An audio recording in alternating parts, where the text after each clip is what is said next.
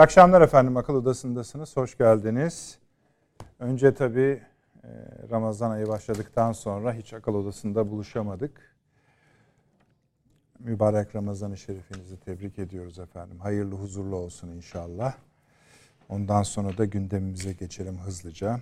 Şimdi her zaman bu kadar yoğun maddeleri bol, krizleri bol gündemler olmuyor. Hem yetiştirmeye gayret edeceğiz ama hem de bunların hepsinin herhalde birbirleriyle bir alakası, ilgisi, rabıtası vardır diye düşünüyoruz. Bu akşam onu da tamamlamayı, hepsini birleştirmeye gayret edeceğiz. Şimdi Ukrayna cepte zaten efendim. Onunla ilgili yeni gelişmeler de var. Hepsini konuşacağız. Tartışmalı konular çok olmaya başladı. Ama önce Ukrayna konusunda sadece şunu söyleyeyim. Gerçek savaş, asıl savaş şimdi başlıyor deniyor. Bunu biraz tercüme edeceğiz bu akşam. Macaristan, Kazakistan, Tunus, Pakistan, Sırbistan bunların hepsinde anormal gelişmeler yaşanıyor ve bizi çok ilgilendiriyorlar. Macaristan'da biliyorsunuz Viktor Orban kazandı. Altılı bir koalisyon ittifakına rakip olarak kazandı. Üstelik de gerçekten de aldığı oylara baktığınızda kendi tabiriyle hani herhalde bu zafer dedi, bu başarı dedi aydan bile görülmüştür dedi. Muhtemelen öyledir. Kazakistan'daki 2-3 gün kadar önce Sayın Cumhurbaşkanı bir görüşme yaptı Sayın Tokayev'le bir suikast girişimi. Ve bu suikast girişimini gerçekleştirmeye çalışanlar yakalandı. İkinci konumuz. Üç, Tunus'ta meclis feshedildi. Türkiye'nin biraz mutsuz olduğunu görüyoruz. Yine Cumhurbaşkanlığı demokrasi lekelendi, halkın iradesine darbe diye Orada ne oluyor? Bu konularla ne ilgisi var? Pakistan'ı hep söylüyorduk aman aman diye. İşte yani Allah'tan korktuğumuz tam başımıza gelmedi ama Pakistan'ın istikrarının, siyasi istikrarının bozulduğunu söyleyebiliriz. Şimdi tekrar seçimler yapılacak. Meclis e, feshedildi. Esasında bir güvensizlik oylaması İmran Han'a yönelik, Başbakan İmran Han'a yönelik e, gelişiyordu bunun arkasında İslamabad yönetimi Amerika Birleşik Devletleri'ni görüyor. Amerika Birleşik Devletleri'nin Pakistan'ı istikrarsızlaştırma, bozma gayretini görüyor. Bunu da açık açık söylüyor. Sırbistan orada da bir seçim var. Vucic kazandı efendim yüzde 60 oyla böyle esasında bunda hani oraya kadar uzun artık uzamayalım uzun adımlar atmayalım diye Costa Rica'yı da eklemek lazım. Chavez de kazandı biliyorsunuz. Orada da bir devlet başkanlığı seçimi vardı. %53 oyla orası da kazandı. Yani şöyle bir liste bile yapsak Macaristan, Kazakistan, Costa Rica, Tunus, Pakistan, Sırbistan bir şey bu. Bunların hepsinin ayrı ayrı değerlendirilmesi gerekiyor. Daha da değerlendirilmesi gereken bir başka konu da şudur efendim. Türkiye Amerika Birleşik Devletleri stratejik mekanizması çalışmaya dönmeye başladı. ABD Dışişleri Bakanı Siyasi İşler Müsteşarı yani ikinci seviye, ikinci adam bilemediniz üçüncü adam diyebilirsiniz. Victoria Nolan hanımefendi Türkiye'deydi, görüşmesini yaptı. Bunun önemini şöyle söyleyebiliriz. Bugün Ukrayna'da ne yaşanıyorsa, yani ne bunlara sebep olmuşsa son 7-8 yıl içinde işte bu kadındı yapan.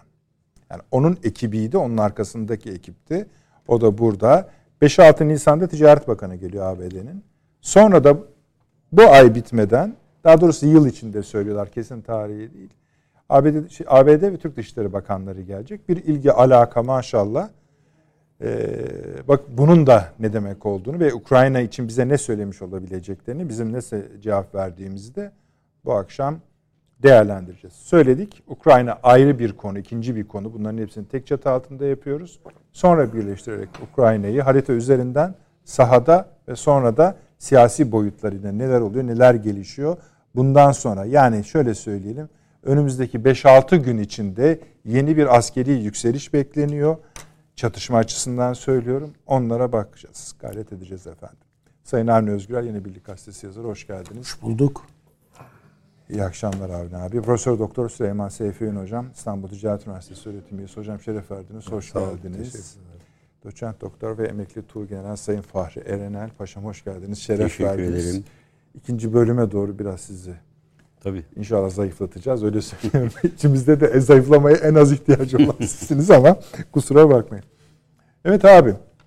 Evet. Ee, Pakistan. Açılış hamlemiz bu olsun mu? Evet. Hani A4 Çok derler ya. Evet doğru bir te- te- tercih. Amerika'ya Yani- ayrı yer ayıracağız. Bir yerin istikrar istikrarını bozmak istediği vakit Amerika bunu gayet mahir bir şekilde bu bir deneyim sahibi olmuşlar herhalde bu konuda. İstedikleri anda bu dü- bir düğmeye veya bir takım düğmelere basıyorlar ve muhtemelen o düğmeler Pakistan'ın kendi içinden Çok muhtemel. düğmeler.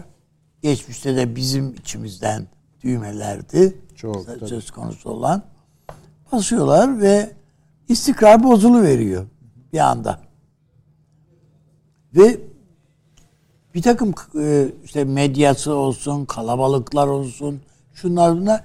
E canım bu da yapılmaz. Yani çok bak İmran Han da e, çok böyle Ayıp şey ayıp şeyler yani hiç e, işte e, bir takım gazetecileri tutuklamalara veya şu baskı altına almaya yok efendim işte şuna buna filan tevessül ediyor filan diye.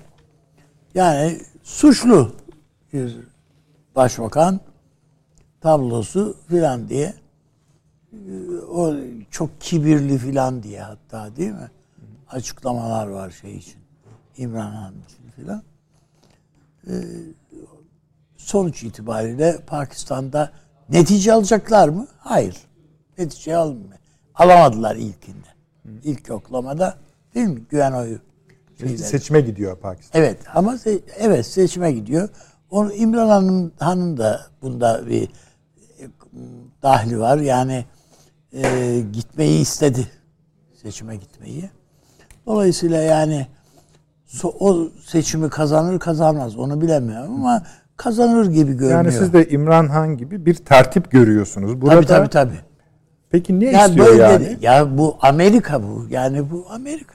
İster diyorsunuz. Yani oradaki tablodan adam Pakistan'ın Çin'le, Rusya'yla, hele hele Hindistan'la da e, ilişkilerini iyileştirme girişimlerinden falan fevkalade rahatsız. Yani e, aynen bizde de olduğu gibi değil? Biz de birileriyle komşu ülkelerimizle işte Rusya ile olsun Ukrayna ile olsun ilişkilerimiz falan bizim düzeldiği anda bakıyorsun ki Amerika rahatsız oluyor bundan. Yani başka bir unsur ekliyor hemen rahatsızlık olarak. Sonuç itibariyle ben e, Asya'da bunun e, bir süre daha ciddi ciddi Amerika'nın bu tavrının etkili olacağını düşünüyorum. Yani burada tek bir hamleyle Amerika bırakmaz. Yani bu işin askeri yani böyle bir takım agresif metotları da dahil olmak üzere boyutları vardır yani. Yapmadıkları şeyler değil bunlar. Yani vardır. Bir bakarsın ki işte birileri bir helikopter kazasında ölür. Öbürü bilmem ne olur. Onu da hatırlatalım. Çok kısa bir süre önce. Yani Hindistan'ın Genelkurmay Başkanı helikopter kazasında öldü. Hem de bütün ekibiyle birlikte yani şeyin Yani öldü demeye hiç akademisi, benim dilim kuvvetlerin varmıyor. bütün- Yani. O baya baya. kurmay kadrosuyla birlikte öldü adam. İşte bu- bunun gibi yani kafaya koydukları anda şöyle ya da böyle götürüyorlar.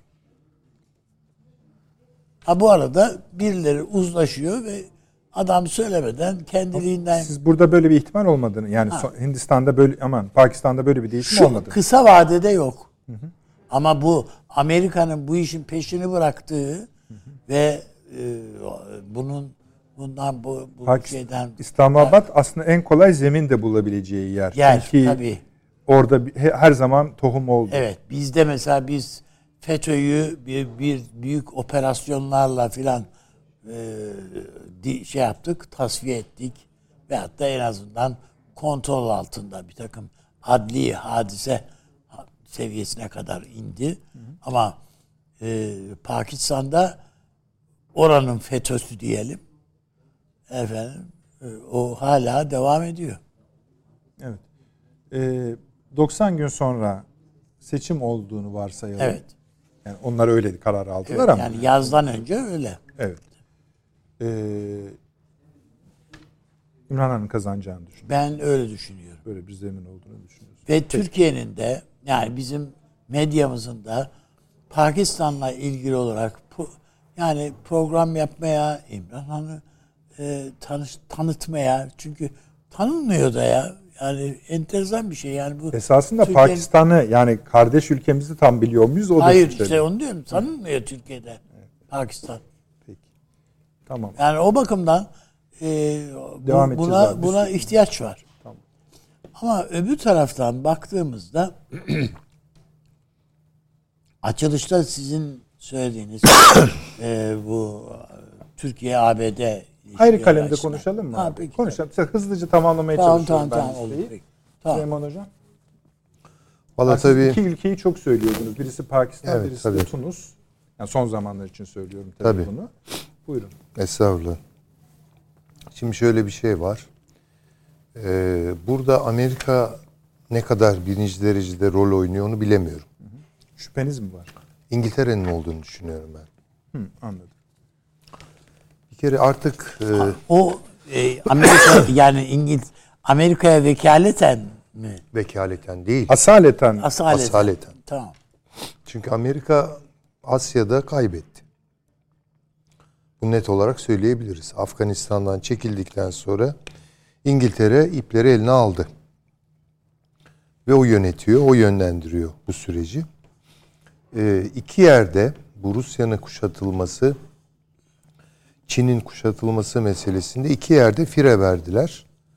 Biri Pakistan, öbürü Hindistan. Dolayısıyla o taşlarla oynayacaklar. Bu çok açık. Nitekim İmran Han tercihini e, Putin'den yana yaptı. E, Moskova'ya gitti.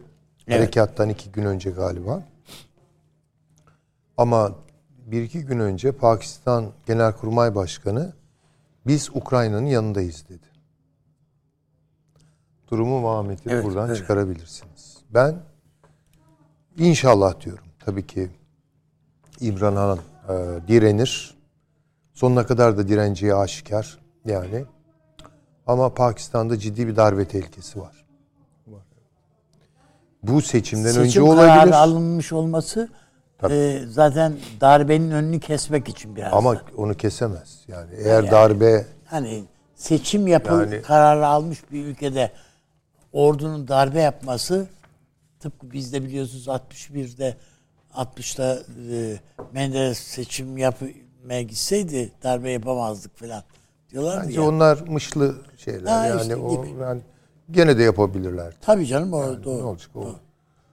Yani öyle bu sefer şöyle ona olurdu. kalmıyor gibiydi. Yani Efendim? meclisin içinde bitirilecek gibiydi. Tabii bitirilecek gibiydi. Bitiriliyordu da. Bitiriliyordu. Yani bu hafta Çok, yani tabii tabii. pazar günü o iş bitiyordu. bitiyordu. Onu engelledi. Durumun vahametini Pakistan halkıyla paylaştı. Seçim kartını açtı. Yapabileceği şeyleri yapıyor. Ama şöyle düşünelim. Diyelim ki Vucic'in kazandığı gibi veya Orban'ın kazandığı gibi seçimi kazandı. Bu zaferi ona ya- yar edecekler mi etmeyecekler mi? Peşini bırakmazlar hocam. Yani çok e, şey bir noktada Pakistan. Bundan ben çok endişe ediyordum zaten burada söylüyorduk. İkincisi Pakistan'la Hindistan anlaşma noktasına doğru gidiyorlar. Dün Genelkurmay Başkanı'nın, Pakistan Genelkurmay Başkanı'nın bir açıklaması vardı. Keşmir sorunu dahil biz Hindistan'la diplomatik yollarda her Tabii. konuşmaya hazırız dediler. Ama ben bundan doğrusu hani ha falan derken bir yandan da hani siyasi ortamına baktığımda biraz kaygılandım da. Evet. Yani bu lafı Genelkurmay Başkanı şimdi söylüyorsa şimdi bilmiyoruz yeni Genelkurmay Başkanı nasıl. yani Pakistan Genelkurmay Pakistan, Başkanı. o da taze çünkü kara kuvvetleri de öyle. Bilemiyorum ama Pakistan Genelkurmay Başkanı'nın böyle bir açıklaması var. Var evet. Rusya Ukrayna geriliminde biz Ukrayna'dan yanayız. Bu şu demek ey İmran Han ve onun destekçileri partisi biz sizin karşınızdayız demek yani. Ordu olarak karşınızda. O zaman İbrahim Ukrayna politikalarının Ukrayna karşıtı olduğunu mu söylüyorsunuz? İmran Hanım mı tabii ki. Tamam. İmran Han zaten gitti. paylaşalım izleyiciler. Yani Putin'le e, görüştüğü stratejik anlaşma imzaladılar. Tam da çatışmaların Tam da çatışma. zaman tabii. Şimdi dikkat edelim ben bunu hani şunun için söylüyordum o zaman da söylüyordum. Şimdi tabii Daha rahat gerçekleşiyor daha rahat söylüyoruz. Azerbaycan'a dikkat edelim bakın.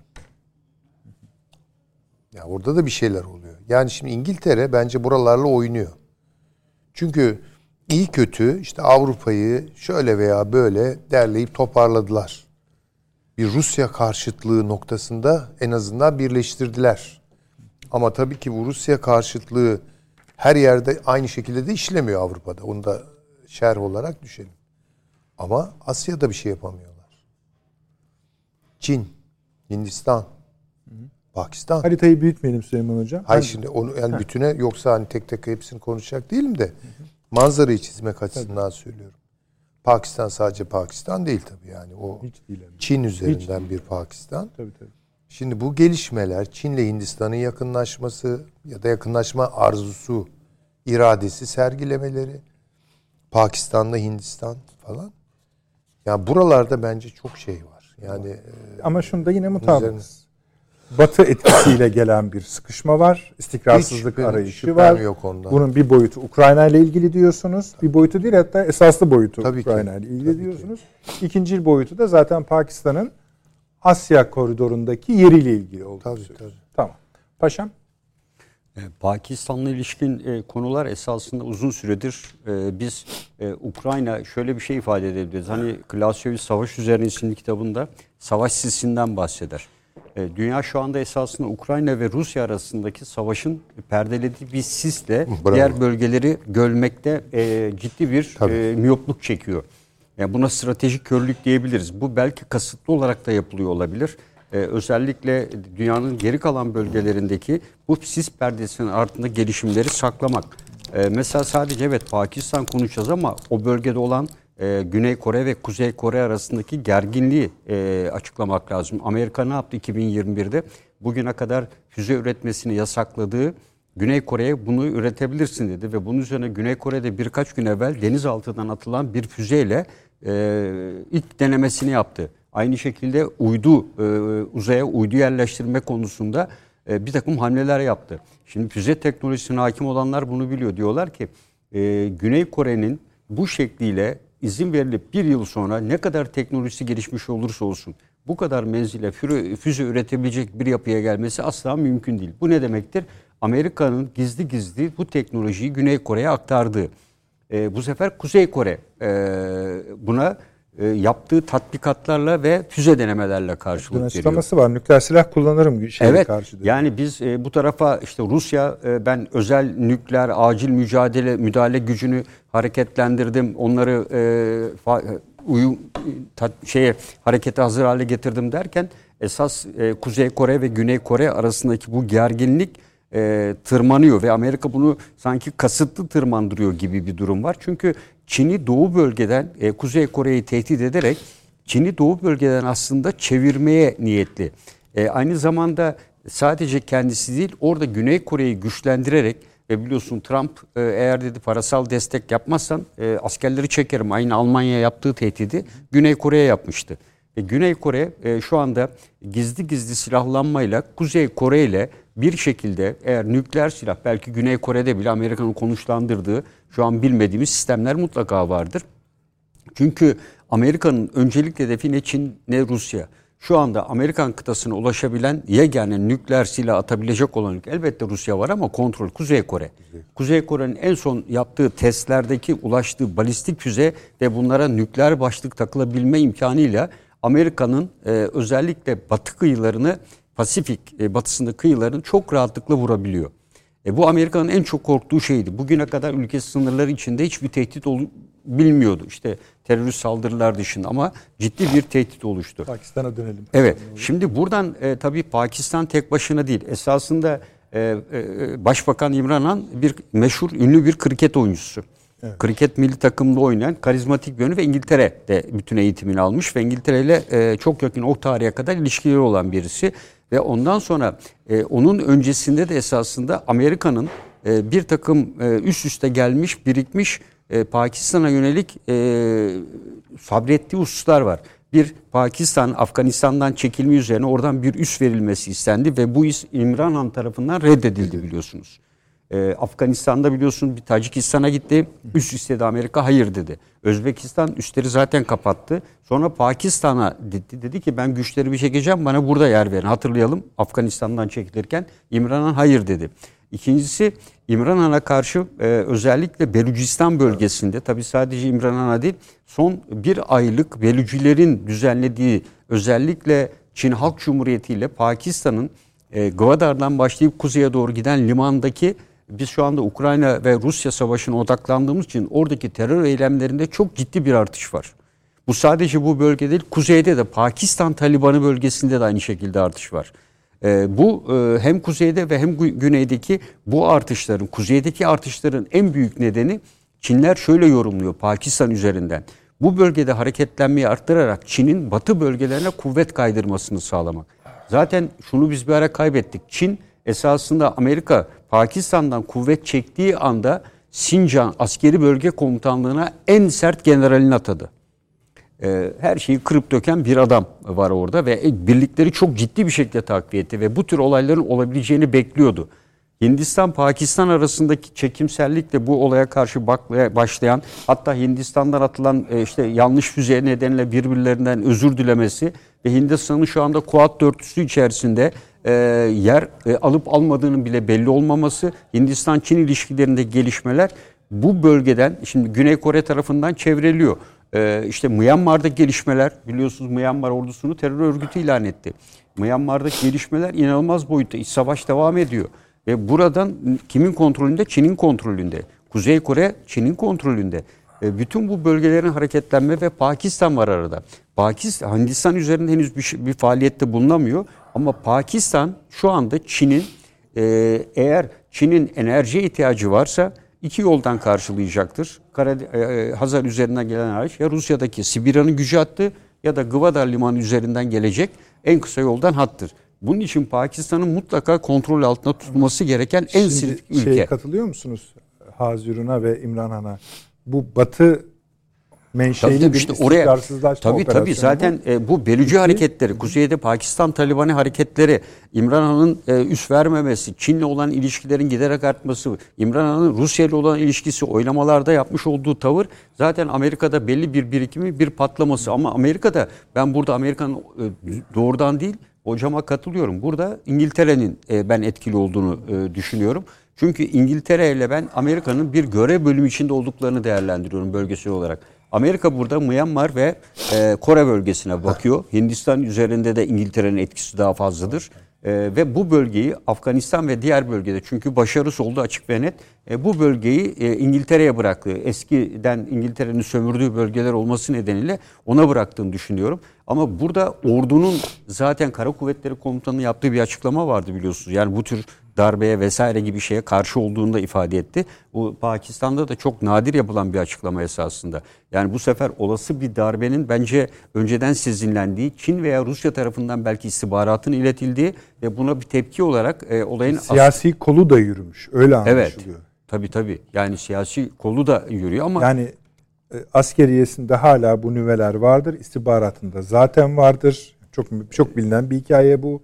Ee, Tekrar başlamayalım. Bu işin çözüldüğü siyasi... yer e, bence e, İmran Han'ın Putin'e yapmış olduğu ziyaret ve burada imzalanmış olan anlaşma. Hmm. E, bu anlaşmanın temel amacının burada olası bir Amerika ve veya işte İngiltere etkisini e, ortadan kaldırmak, etkisiz hale getirmek ve bu amaçla ben yapıldığını düşünüyorum.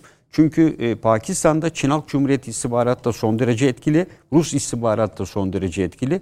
Dolayısıyla böyle olası bir darbeyi ortadan kaldırarak, siyasi boyutuyla da ortadan kaldırarak... Yani biz biraz aslında Pakistan'ın uzun süredir dönülmez bir siyasi tabii, vektöre tabii. girdiğini görüyoruz. Hem Rusya'nın hem de Çin'in etkisini hissediyoruz. Biraz yalnız Süleyman Hocam işte arada İngiltere Yani ben. İngiltere'nin Boz- ben İngiltere'nin olduğunu yani bu bölgede bir görev bölümü olduğunu ve İngiltere'nin eski Peki. toprakları onun olduğunu düşünüyorum. hızlıca devam edelim. Tunus orada da meclis e, feshedildi.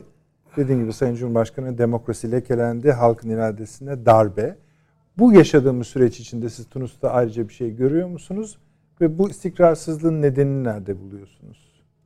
Sizden başlayalım Paşam Mustafa. Ee, e, Tunus zaten e, biliyorsun Arap Baharı'ndan e, başladığı ve Arap Baharı'ndan sonra özellikle 72'lerde ortaya çıkan e, Nahda Hareketi.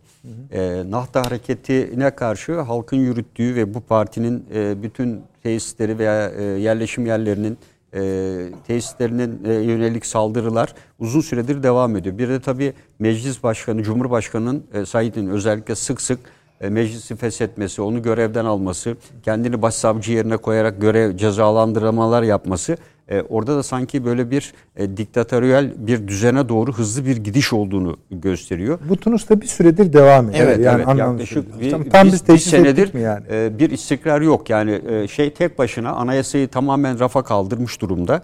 Çünkü yaptığı birçok ihlalde e, anayasaya aykırı birçok tutum var. E, yani en son tutunduğu durumda önceki de başsavcı görevini üstlenmesiydi. E, yargıya gidecekler, cezalandırılacakları dahil o tayin ediyordu. E, burada e, Tunus'un e, bence en önemli özelliği e, Avrupa Birliği e, ve Amerika Birleşik Devletleri ve Rusya arasında sıkışmış olmasıdır. Hemen güneyinde Tunus'un Rusya'nın etkisinin giderek arttığı bir Mali bölgesi ve Sahel kuşağı var. E, Burada daha evvel de söyledik. e, Rusya'nın etkisi giderek bu kuşakta artıyor. Bugün e, Mali'nin e, birçok üst düzey bölgelerinde Fransızların yerini Ruslar almış durumda. Bunu Mali e, gazetelerinde ve makalelerde de görebilirsiniz. E, ve e, Tunus'ta e, şu anda e, Amerika ile birlikte e, bence Rusya ve Fransa'nın bu üçlünün bir ortak mücadelesinin olduğunu ben e, düşünüyorum. E, Rusların da burada olduğu etkin olduğunu düşünüyorum. Çünkü e, Mali'yi e, kontrol altına aldığınız zaman Tunus'un önemi petrol yatakları açısından ve diğer yeraltı kaynakları açısından önemli. Ve Tunus'un biliyorsunuz diğer bir özelliği de Libya ile olan ilişkilerini dikkate aldığımızda Tunus'ta olan bitenleri her türlü faaliyet Libya'yı da etkileyecektir. Libya'da da Rusya'nın etkisini görüyoruz. E, bence e, Rusya e, ikinci bir hedef hattını Mısır'dan oluşup Fas'a kadar giden bir hat olarak belirlendi. Bunların içinde bir tek Fas şu anda uzak gibi görünüyor. O da biliyorsunuz e, İbrahim anlaşmaları kapsamında Cezayir'le birlikte duruyor. E, Tunus'taki bu e, konu e, Kuzey Afrika ülkelerinin e, bağlantısını da sağlayacak nihai bir hamle olacağını düşünüyorum. E, Rusya'nın e, mutlaka dahli var. E, ancak tabii e, Said üzerinde e, ne ölçüde etkili e, onu tam e, değerlendiremiyorum. E, ama Fransa'nın da yoğun bir mücadele içinde olduğunu düşünüyorum. E, evet Tunus e, ne olabilir? Tunus e, bölünmesi nispeten zor bir ülke. E, ama e, tekrar iç Nereye doğru kargaşaya çekiştiriyorlar? Yani bu çünkü bayağıdır e, devam üç yerden ediyor. çekiştiriyorlar. Yani işte Peki. bu e, Rusya e, özellikle saheldeki e, kontrolünü güvence altına almanın yolu e, Akdeniz'e çıkış yolundan geçiyor. Libya'da bunu gerçekleştiremedi tam olarak. Tek nokta Tunus üzerinden çıkabilmek. Çünkü Tunus'un çıktığı yer e, Akdeniz'e girişi kontrol eder. Cebeli Tarık'tan hemen sonrası. Yani önemli bir yer. Aynı zamanda Avrupa ile bir geçiş güzergahı. O yüzden Peki. e, ben önemli olduğunu düşünüyorum. Süleyman Hocam. Ben katılıyorum tabii bu Fransa'nın bastırması yani ben öyle görüyorum. Ee, Fransa orada yer yer Rusya ile anlaşarak Türkiye'ye karşı yer yer Rusya ile bizzat. Ama yani kimse tam diş geçiremiyor. Yani hani bir her zaman bir ağrı duruyor orada yani. Tabii tabii ama bütün Mağrip bölgesi böyle. Yani orada Cezayir ayrı konuşulur, Tunus veya Fas ayrı konuşulur. Demin Fas'a işaret etti paşam. Ee, Fransa bence orada ağırlığını koyuyor. Ve Rus etkisine karşı veya büyüyebilecek muhtemelen Türk etkisine karşı orada bir konsolidasyona gidiyor. Yani aslında vidayı yuvasına yerleştirmişlerdi. Yavaş yavaş sıkıyorlardı. O çok bence keskin bir son sıkma hareketiyle iyice zapturapt altına aldılar Tunus'u. Ama sürdürülebilir bir şey midir bu Tunus açısından onu bilmiyorum. Ama yani Tunus'ta da sonuçta eğer iş sokağa falan giderse yani Çok üzülürüm tabii bunun için. Yeni bir Libya kazanıyoruz demektir. Yeni bir Libya yani öyle bir şey olmasa yani Olmasa iyi olur tabii ki. Bölünmesi zor bir ülke ama bölebilirler. Çeşitli şekillerde yani bölebilirler. illa böyle hani bölünmesi gibi olsun da illa bölünmesi şart değil derler. Çok kan akar. Evet çok kan Yani akar. onun için Şucular ve bucular olarak girilir. Yani bir takım laik değerleri, seküler değerleri Nahda hareketinin bozduğunu ileri sürüp bu darbeye alkış tutanlar var. Ee, özgürlükleri istiyorlarmış. Bir düşünsünler bakalım yani diktatörlükle özgürlük nasıl bir araya geliyor. Ee, özgürlüğün savunuculuğunu diktatöryal rejimler mi yapacak? Düşünsünler. Bakalım düşünecekler mi? Bilmiyorum. Avni abi Tunus. Tunus konusunda ben de hocam görüşlerine katılıyorum. Fransa burada. Belirleyici yani. Orada çok e, zayıflamış durumda değil. Yani vatandaşın zihninde de Fransız kültürü falan hakim Tunus'ta. Evet. Gittiğimiz gördüğümüz şey tablo o idi. Bu e, burada tabii şeyinde iktidarın fevkalade büyük şeyleri yani e, stratejik bir takım hataları, hamle hataları var yani. Bu e, nihayetinde diktatöryal yetkiler yani kullandığı yetkiler, kullanılan yetkiler. O bakımdan bu en azından iç kamuoyunu bir tarafa koyalım ama dış kamuoyunda dünyada e, oradaki bir müdahaleye haklılık kazandırıyor. Zaten zannediyorum Sayın Cumhurbaşkanımızın Ya, şey, itirazının da altında yatan halk iradesi ne karşı çıkıldı burada diye. Yani orada eğer e, naftanın temsil ettiği düşünceler diye değil, orada bir seçimle kazanmış bir e, şey ta- ortaya çıkmış bir tablo bozuldu diye Türkiye karşı. O bakımdan ben bunu tıpkı Pakistan'da demin söylediğim gibi bir defa el attıkları vakit orada onun peşini bırakmıyorlar. Devam ettiriyorlar o hamleyi. Yani Tunus iç siyasetindeki Yani dengeler kadar. Bu aynen taciz olayları gibi. Yani bir defa böyle bir geldin, bir, bir taciz ettin insan kişiyi o orada efendim geriye te- tepti. Hayır. Bir daha geliyor. Hani ısrarlı takip diye ka- şeyde ceza kanununda şimdi yeni bir madde eklediler ya. Israrlı takip. Yani Anladım. ülkeyi canından bezdirirler. Ben Pakistan'da da korktuğum bu. Şeyde e, e, hmm, abi Tunus'ta nasıl bir değiş yani bir değişiklik olmasından da yani, hani oranın demokrasisinin örselenmesinden Türkiye elbette Evet. huzursuz olur ve bunu Ama zaten bir, savunucuların bir şöyle yani Ama bir, bir de bir demokrasi ge- geleneği var yani Tunus'ta. O bakımdan hani mesela orada bir darbe idaresi olur falan. Hayır böyle bir şey beklemiyorum. hani o olmaz da başka bir iktidar gelir de hani başka bir şey işte çıkar. Onu da bilemeyiz. takip edeceğiz diyorsun. Tabii onu Peki. takip edeceğiz. Yine sizden yürüyelim. Evet. Avni Bey. Kazak- Kazakistan. Neden Kazakistan konuşuyoruz? İki sebepten dolayı. Bir, en taze e, Sayın Cumhurbaşkanı'nın e, Tokayev'le bir görüşmesi oldu Evet. Ukrayna konusunda. İki, bir suikast girişimi yaşandı. Müsebbipleri yakalandı ama şu anda Evet. biz şeyi bilmiyoruz. Hani oradan şu ses çıkmadı. Bunlar şuralı, buralı. Sadece hissiyatlar var. Ondan evvel de Kazakistan'ın Rusya'ya yönelik yaptırımlar konusunda beklenenin aksine Rusya'ya yakın durmadığı gibi bir e, bir seri haber okuduk. Evet. Oysa öy- öykünün nasıl başladığını hatırlıyorsunuz. Tabii, tabii. Gibi. O konuda ne düşünüyorsunuz?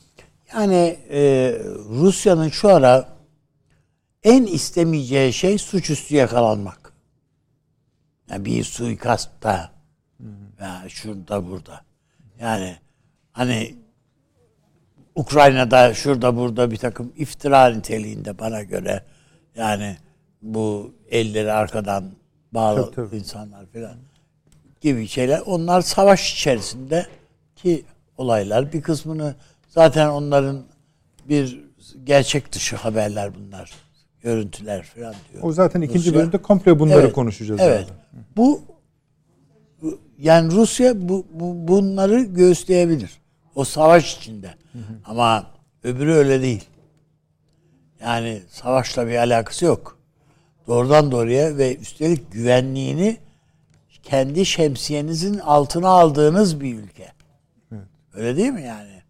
Güvenlik şemsiyesi içi altında ki ülkelerden birisi ve geçmişte bu işte bu, bu seni çağırmış askerinle ordunla gelmişsin bakmışsın duruma müdahale etmişsin. Ondan sonra Çıkmışsın. evet vaziyeti kurtardık demişsin. Hadi güle güle demişler.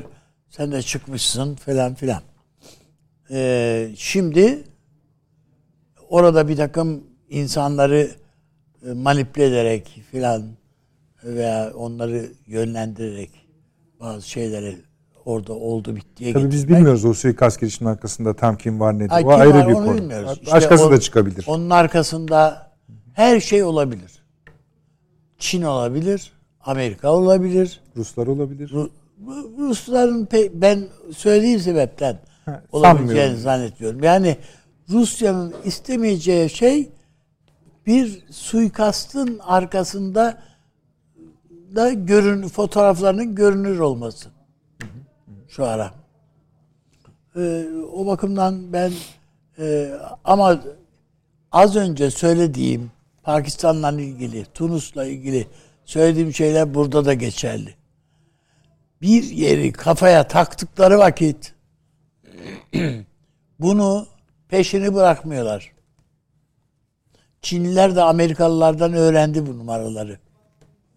Yani onun için demin Çin'in adını da saydım yani. Öğrendiler. Bırakmıyorlar kardeşim. Bir defa netice alamadılarsa herkes bir tıpkı e, bu taciz olaylarındaki gibi. Sonra bir daha, bir saat sonra bir daha yapıyor adam. Bir saat sonra bir daha yapıyor. O da onun gibi. Bu bunda da öyle. Bir gün sonra, beş gün sonra, bir ay sonra, iki ay sonra tekrar. Kazakistan'ın Ukrayna konusundaki evet, bunu olumsuz siz- bir yani doğrudan doğruya Rusya'da yana bir tavrı, desteği yok yani. Ukrayna konusunda Kiev'den yana bir şeyi var, duruşu var. peki ilginç o. İlginç bir konu yani o. Süleyman Hocam. Onu bilmiyorum ben. Yani nasıl bir şey var. Biraz orada taşlar tam yerine oturmadı gibi bir izlenimim var. Ama tabii bunun arkasındaki dengeler ne? Şu aralar o kadar çok Ukrayna konuşuyoruz ki oraya. Tabii tabii doğrusu haklısınız. Yok bakmadım. yok. Bilmiyorum yani. Burada zaten esasında bunları Hocam hızlıca zaten bir, bir t- şöyle bir şey var. Apar topar bu Rus askerinin çekilmesini istemeleri çok süratle yani evet değdi. sağ olasın hadi Yani, selametle. Evet, zaten, yani evet. Hadi O ara kendi güle. ordusu Kıbrıs şeydeydi ama Evet. kışladaydı. Bunu nasıl açıklayacağız? İşte zaten sorun tam onu Evet. konuşuyoruz yani, esasında. Süleyman. Biraz yani Ruslar da şey dedi yani zaten biz duramazdık bizim işimiz vardı dedi. Ha. Onlar o da işin biz ne olduğunu biz şeyde anladık. buraya da. oturmaya geliyoruz demediler zaten. Yani, yani onların hızlıca çıkmak, Kazakistan'dan hızlıca çıkmak arzusunda da bir tuzak gördükleri Evet Rusların. ben e, yani. Olabilir. e, re- resmen devlet başkanının açıklaması. Yani Ama iş sonuçta bitti gidiyor gidin diye. yönetim biçimi değilse Evet. de şekli değişti öyle söyleyeyim. öyle. Yani. Orada bir şekilde değişik. Ya Ama orada Süleyman daha fazla dediği yani doğru. iş, Orada da- işiniz bitti dediler Ruslara. Evet, tebligatta bulundu. Evet. Sağ olun, işiniz var olun bitti, dediler. Sağ olun, var olun. Evet. Sağ olun. Ama Yardımlarınıza Hocam teşekkür or, ederiz koskoca dediler. orduyu kaybetti biraz önce. O dönemde. O yani o da anlaşılmaz bir şey yani. Değil mi? Evet anlaşılır bir şey mi? Yani ordu kışlada ey güvenlik örgütü gel diyorlar. Evet. Rusya geliyor. Geliyor, üç gün kalıyor, gidiyor ve her şey yatışıyor. Ve düzeliyor da yani. ne Evet, kadar? 10 gün yani- falan mı kalmıştı? Öyle hatırlıyorum. O kadar. O civarda. O kadar. 10 gün yani bu, bu biraz Gelişi gibi gidişte çok hızlı olmuş. Ve gelişiyle bir takım düzenlemelerde yani iç siyasette bir Tabii, takım yapı- tabii, tabii. düzenlemelerde Tamam. yapıldı. Peki. Ee, öyle. Paşam buyurun Kazakistan. Yani e, Kazakistan'da e, tabii 164 kişiydi ama gayri resmi rakamlara göre 200 civarında hayatını kaybeden kişi var. E, ben burada e, e, Kazakistan olayları olduğu sırada da görüşmüştük. Özellikle mecliste veya Putin'in aynen Ukrayna gibi konularda yazdığı makalelerin bir benzerinin de esasında Kazakistan için olduğunu ifade etmiştik. E, Kazakistan'da yaşayan Almanlar e, yine e, burada biliyorsunuz Volga boyunca kurulan e, Alman e, Cumhuriyeti'nden bahsetmiştik özel ve buradaki insanların Stalin döneminde Kazakistan bölgesine taşındığını ve Rusya'nın yeni kurulan Kazakistan topraklarında ciddi bir pay talebinde olduğunu nasıl Çin Rusya'dan toprak istiyorsa aynı şekliyle Rusya'da Kazakistan'dan hatta Kazakistan diye bir devletin varlığının söz konusu olmadığını bile Putin meclis görüşmelerinde ifade etmişti. Bu yüzden Kazakistan e, Rusya'yı Putin'in e, böyle konuşmaları var hocam. Evet evet. Ukrayna için Ukrayna için aynısını evet, bu iki ülke için e, ben onlara baktım. Evet. Kiminle ilgili ne konuşmuş? Mesela Gürcistan içinde konuşuyor ama o kolay yutulur lokma gibi diyor. Herhalde onunla ilgili fazla bir şey söylemiyor. Ama Kazakistan'la ilgili konuşmalarıyla mecliste ve yazdığı yazılar var. Özellikle iki tane Duma'daki konuşmalar var. Hem Ukrayna'da birbirine benzerlik hem Kazakistan'da birbirine benzerlik. Ukrayna diye bir devlet yoktur diyor. Burada da Kazakistan diye bir devlet yoktur diyor. Öncelikle bir inkar e, mekanizması var. Yani ben hem Kazakistan ve Ukrayna'yı... bu Kırgızistan için falan da geçerli hocam. Ya, tabii tabii ama e, böyle Kırgızistan için mesela aynı sözleri aradım ha, bulamadım. Yok, tabii, ama doğru, Kazakistan doğru. için bu olaylardan önce de Putin bunu yeni söylemiyor. Aynen Ukrayna olayı gibi geçmişte de söylüyor. E, ben e, Batı'da e, hedefinin Ukrayna iken Doğu'da da ben Rusya'nın kesinlikle Kazakistan olduğunu düşünüyorum. Yani e, Kazakistan'ı e, çünkü e, bu bölgede e, biliyorsunuz Kazakistan'ın e, hem e, zengin yeraltı kaynakları var hem e, çok etnikli e, Ruslar, Almanlardan oluşan karmaşık bir yapısı var. E, ve e, az bir nüfusa karşılık çok geniş bir coğrafyası var. Doğu batı, kuzey doğu istikametini kontrol edecek. Yani Kazakistan ben hep o zaman da söyleyeceğim. E, Asya'nın Heartland yani e, kalpgahı e, zaten Mackinder'ın da ana düşüncesinde kalpgahın doğuya doğru kaydığını e, ifade ediyorlar. Bu doğu bölgesinde merkezinde şu an ağırlıklı olarak Afganistan, Kazakistan e, bir blok olarak yer alıyor. Yani buradaki olayların jeopolitik anlamda artmasının en büyük nedeni bu. Yeni kalpgahı kontrol altına alabilme düşüncesi. Afganistan'dan çekilmesinin ardından da biraz evvel ifade ettim. Çin'in bu bölgeden gelecek tehdit ve gelişmelere karşı askeri gücünü arttırdı. Bu Amerika'nın istediği bir şey. Doğu kıyılarından buraya güç. Ama Çin'le ilgili ne demiştik? Ee, batı bölge teorisi dediğimiz bir teori geliştirdiğini ve onun da doğudan batıya doğru kuvvetlerini kaydırarak özellikle e, bu bölgelere Amerika'nın veya Batı güçlerinin kuvvet tahsis etmesini istediğini ifade etmiştik. E, ben o yüzden e, Kazakistan'da e, şu anki meydana gelen olayların Amerikan e, eksenli veya İngiltere eksenli e, ama Rusya karşıtı olduğunu düşünüyorum. Ben de açıkçası e, Rusya'nın e, mesela çok iyi kolektif güvenlik örgütü kapsamında halbuki Kazakistan'la stratejik işbirliği anlaşmaları var, askeri işbirliği. Çağırdı geldi diyebilirdi. Ama Kazakistan ordunun devreye girmeyip de bir 10 günde bu birlikler hiçbir şeye karışmadılar. Sadece bir bayrak gösterdiler ve geriye gittiler. Bu kadar kısa süre içerisinde hepimiz diyorduk ya Rusya geldi artık buradan çıkmaz diyorduk. Ee, ama gerçekten çıktı mı? Yönetim mekanizmalarında bu, e, bu gelişmeler oldu mu? Ama bu suikast girişimini de bütün bunlara rağmen Rusya'nın e, özellikle yaptırımlarla, e, sosyal medyada e, işte e, sivillerin can kaybıyla, savaş suçu gibi birçok olaylarla e, bir takım gelişmelerin yaşandığı bu süreçte böyle bir e, faaliyeti yapmasının e, ben tabii konuşulacak ama işte Ukrayna'da e, öldürülen e, sivillerin arkasında nelerin olduğu gibi konuyla bağlantılı olduğunu düşünüyorum. Zamanlama itibariyle de birbirlerine yakın ve her iki taraftan da e, Rusya'yı sıkıştırma şeklinde bir hamle de olabilir bu. Çünkü e, Rusya'nın iki hedefi ben diyorum. Yani Kazakistan ve Ukrayna her ikisinde de bu tür ve zamanlama itibariyle birbirine yakın e, süreçte bu faaliyetlerin oluyor olması e, birbirine paralel e, eylemler gibi olabilir. Peki. Bu Bacı... şeyde düşünmemiz gereken Kazakistan'la ilgili olarak tabii biliyorsunuz bu Rus ordusunun oraya gelmesi öncesinde e, ve geldikten sonra yapılan araştırmalarda Kazakistan'da bir Amerikan tuzağının geliştiği özellikle evet. bürokraside Doğru o konuşun. Bu konuşuldu, yazıldı, çizildi. Bu bu tarafı ile tarafında bakmak lazım. Ve e, Kazakistan'ın da e, Ruslar evet geldiler ettiler ama vurdukları adam yani e, darbele darbeye yöneldikleri adam Nursultan Nazarbayev. Nazarbayev ailesini olduğu gibi sildiler. Kazakistan'dan. Ben onun için Çünkü bu... onlar da Rusya'yı silmişlerdi. Yani Ha, silmek üzereydiler ondan. İşte yani zaten Rusya gitsin diyen de istihbaratın başında olan damadı veyahut da yeğeni. Evet. İşte Peki. onun için yani e, şey ol- olabilir. Masada yani, herkes büyük haritacı olduğu olabilir. için, jeopolitikçi olduğu için özelden gerile kaymalar oluyor ama tamamlayalım az kaldı. Macaristan. Hemen Ee, geliyorum. Evet, Macaristan zaten e, ilk başta esasında Polonya ile birlikteydiler ama Polonya daha sonra e, Amerika'nın daha çok güdümüne girdi. Ve Macaristan e, iki önemli özelliği var. Bir, Avrupa Birliği'ne mevcut olan uygulamalarından asla taviz vermeden e, gerek Türkiye e, bu Avrupa Birliği sürecinde gerekse biliyorsun Türk Devletleri Teşkilatı'nda da aynı zamanda gözlemci üye statüsünde e, Türkiye'nin işinde de e, bu da e, son derece önemli bir konu bence. Avrupa'nın göbeğinde e, Türk Devletleri Teşkilatı'nın e, bir gözlemci statüsünde ve yakın zamanda da asil üye olacaktır zaten muhtemelen. Ve Rusya'da ilişkileri çok önemli. Yani e, Macaristan halkının e, Rusya'ya verdiği destek e, oldukça üst düzeyde. Ve biliyorsunuz Ukrayna'ya silah satışını kesinlikle Macaristan'da Orban durdurmuştu. Ve asla böyle bir talepte evet Avrupa Birliği olarak e, konuların içindeyim. Biz e, işte protesto ediyoruz gibi görünüyoruz ama asla Avrupa Birliği ile birlikte hareket etmiyoruz dedi.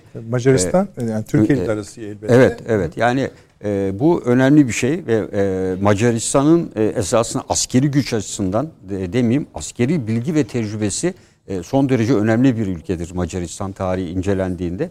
Tabii Macaristan'a benzer bir şekilde aynı anda gerek Sırbistan'da da Sırbistan'daki bir yönetim değişikliği ve aynı anda Yunanistan'da başlayan özellikle dini açıdan ve Rusya destekli gösterilerdeki artışlar ve bunun diğer Balkan ülkelerine sıçrama ihtimalini dikkate aldığımızda e, bunu Macaristan'daki bu zaferin, e, Urban'ın zaferinin diyeyim e, Avrupa'da e, benzeri yapıları daha çok tetikleyeceğini ve Rusya ile olan ilişkilere yönelik yaptırımların ki Avrupa Birliği bakın bugün Macaristan'ın almış olduğu zafere bence işte iki tane neydi e, Bordelle e, e, Leyen mi gidiyor şeye e, Zelenski'ye? Evet. Evet. E, ziyarete Avrupa gidecekler. Bir de birkaç karar daha aldılar e, yaptırımla ilgili.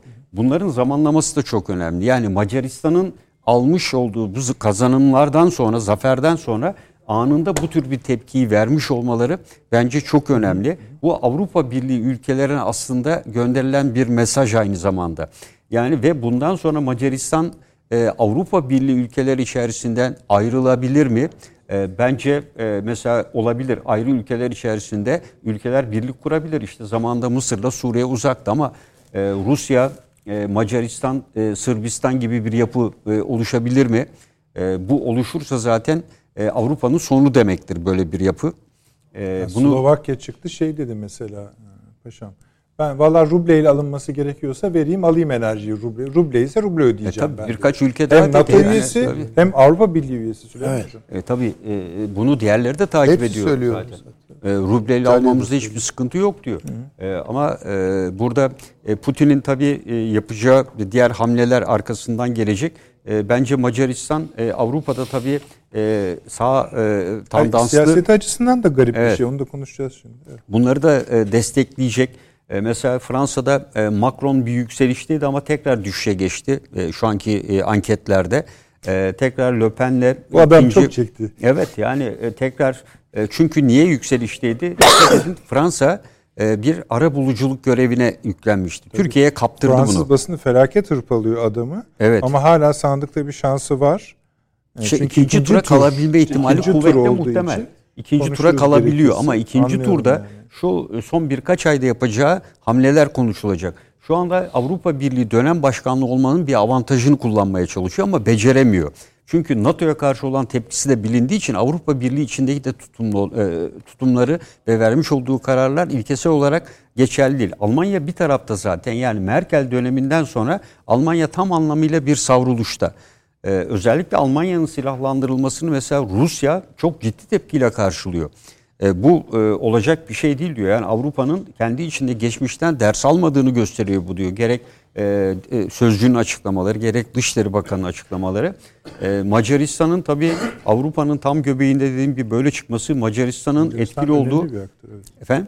Önemli bir aktör. Yani e, çevresindeki ülkeleri de Etkiliyor yani. etkileyecek. Yani, e, kesinlikle etkileyecek. Bir de e, çok bariz bir oy farkıyla e, kazanmış olması Avrupa Birliği'nin bütün e, diğer partilere desteğine rağmen e, bütün bunların olması e, ve bu süreçte e, adeta Avrupa'ya da Rusya'ya karşı uygulanan politikanın bence bir cevabı diye. Avrupa Birliği Orada kamuoyunda altılı- da benzeri bir şey yapılsa kar- evet Kazansaydı buraya kadar. ama Avrupa Birliği'nin genelinde de bir kamuoyu yoklaması bütünsel olarak yapılsa bence çıkacak sonuç bu olacaktır. Öyle mi? 5-6 ay sonra yapılması halinde bu artacak olan yaptırımların etkisi ve diğerlerin etkisiyle bu daha da artacak. Yani insanlar şu anda uçaklara vesaire enflasyon Almanya'da inanılmaz şekilde yükselmeye başladı. Doğalgazı kesti herkes tabii arayışta ne olacak demiyor. Otomotiv sektöründe fiyatlar artıyor. Al- Almanların ya- Doğal alıştığı bir şey değil. diye. Tabii. En son e, Birinci Dünya Savaşı Mark'ın olduğu zaman e, el arabalarıyla sandviç almaya gidiyorlardı. Yani o dönemlere mi döneceğiz diyor Almanlar. Şimdi yaşlı Almanlar arasında Tabii bu tepkiler giderek artıyor. Yani bu Avrupa Birliği Şeyden de açısından bu da yani enerji e, sürdürülebilir değil. Ve kaygı E, tabii. Ama tamam da Tabii. Süleyman Hocam Macaristan. Ee, şimdi aslında Avrupa'ya nasıl baktığımız çok önemli. Şimdi Avrupa'ya Avrupa Birliği olarak bakarsak bir şey görmüyoruz. İşte biraz el yordamı Almanya, Fransa ekseni, İngiltere farklı diyoruz. Nitekim Brexit çıktı. Ama mesela Polonya. Nedir Polonya? Veya Hırvatistan veya Sırbistan veya Macaristan veya Hollanda. Şimdi bazı yerler var ki çifte etkiye, çifte nüfuza maruz kalıyor. Bazı yerler bir tür nüfuzu asla kaldırmıyor. Şimdi mesela Polonya dediğimiz zaman denkleme Amerika Birleşik Devletleri'nin kesin geleceği açıktır. Ama Rusya denklem dışıdır. Almanya da büyük ölçüde de, de- e, denklem dışıdır. Fransa bir parça koparabilir orada. Çok büyük değil. Ama İngiltere etkilidir. Şimdi mesela böyle Polonya var. Ya bunların profillerini böyle yegan yegan tek tek çıkarmak lazım. Hollanda ya da alçak ülkeler Peyba İngiltere etkisidir. Hollanda'da biraz Alman etkisi de vardı. İşte sınırlıdır, çok azdır. Yani esas son tahlilde bunlar şey Oraya oynar. çıkar diyor, adaya evet, çıkar Tabii tabii adaya çıkarlar. Şimdi demek istediğim Macaristan ne? Yani ben Tabii Macaristan. bunları böyle uzun uzun çalışmış değilim. Tabii, Ama tabii, anlıyorum. yani belli ağırlıkların belli yerlerde ya toptan dışlandı veya beraber içerildiğini görüyorum. Macaristan deyince benim aklıma iki şey gelir. Rusya ve elbette Almanya. Onun için Macaristan çok önemli. Macaristan eğer olacaksa yeniden Avrasya'nın Av, e, Avrupa ile kaynaşması meselesinde çok kilit bir rol oynayacak. Biliyorsunuz Türk Devletleri Teşkilatı'nda da E gözlemci. oraya da gidiyor tabii ama yani o biraz onun bence çeperinde. Esas ağırlık noktası Ama bilhassa davet edildi yani. edildi Evet. ama yani ben çok önemsemiyorum Evet. açık söyleyeyim yani. Ee, esas olarak o Rusya'ya orada nezaret eder, Almanya'ya nezaret eder. Yani biraz öyle bakmak lazım. Macaristan Macaristan olarak gelmez yani. İkisi de vardır. İkisi de orada rakiptir veya ikisi orada işbirliği yapar. Bana kalırsa Macaristan düğümü çözecek Avrupa Avrasya ilişkilerinde düğümü çözecek çok kritik bir yerdir. Onu söyleyeyim. Ha Sırbistan net olarak Rusya'dır bunu biliyoruz. Onu, da söyleyin çünkü Tabii biliyorsunuz ki. orada da Vucic Tabii kazandı. ki. %60'la. Buyurun. Yani bakınız ama orada aslında Avrupa Birliği kaybediyor her şekilde. Öyle öyle. Her şekilde kaybediyor. Ya Polonya'da Amerika kazanıyor. Aslında Amerika'dır o. asla Almanya olmayacaktır. Çünkü nefret ederler. Yani korkarlar. Macaristan üzerinde mi? Hayır hayır Polonya Tamam, üzerinde tamam. söylüyorum. Ama Baltık kesin Amerika'dır.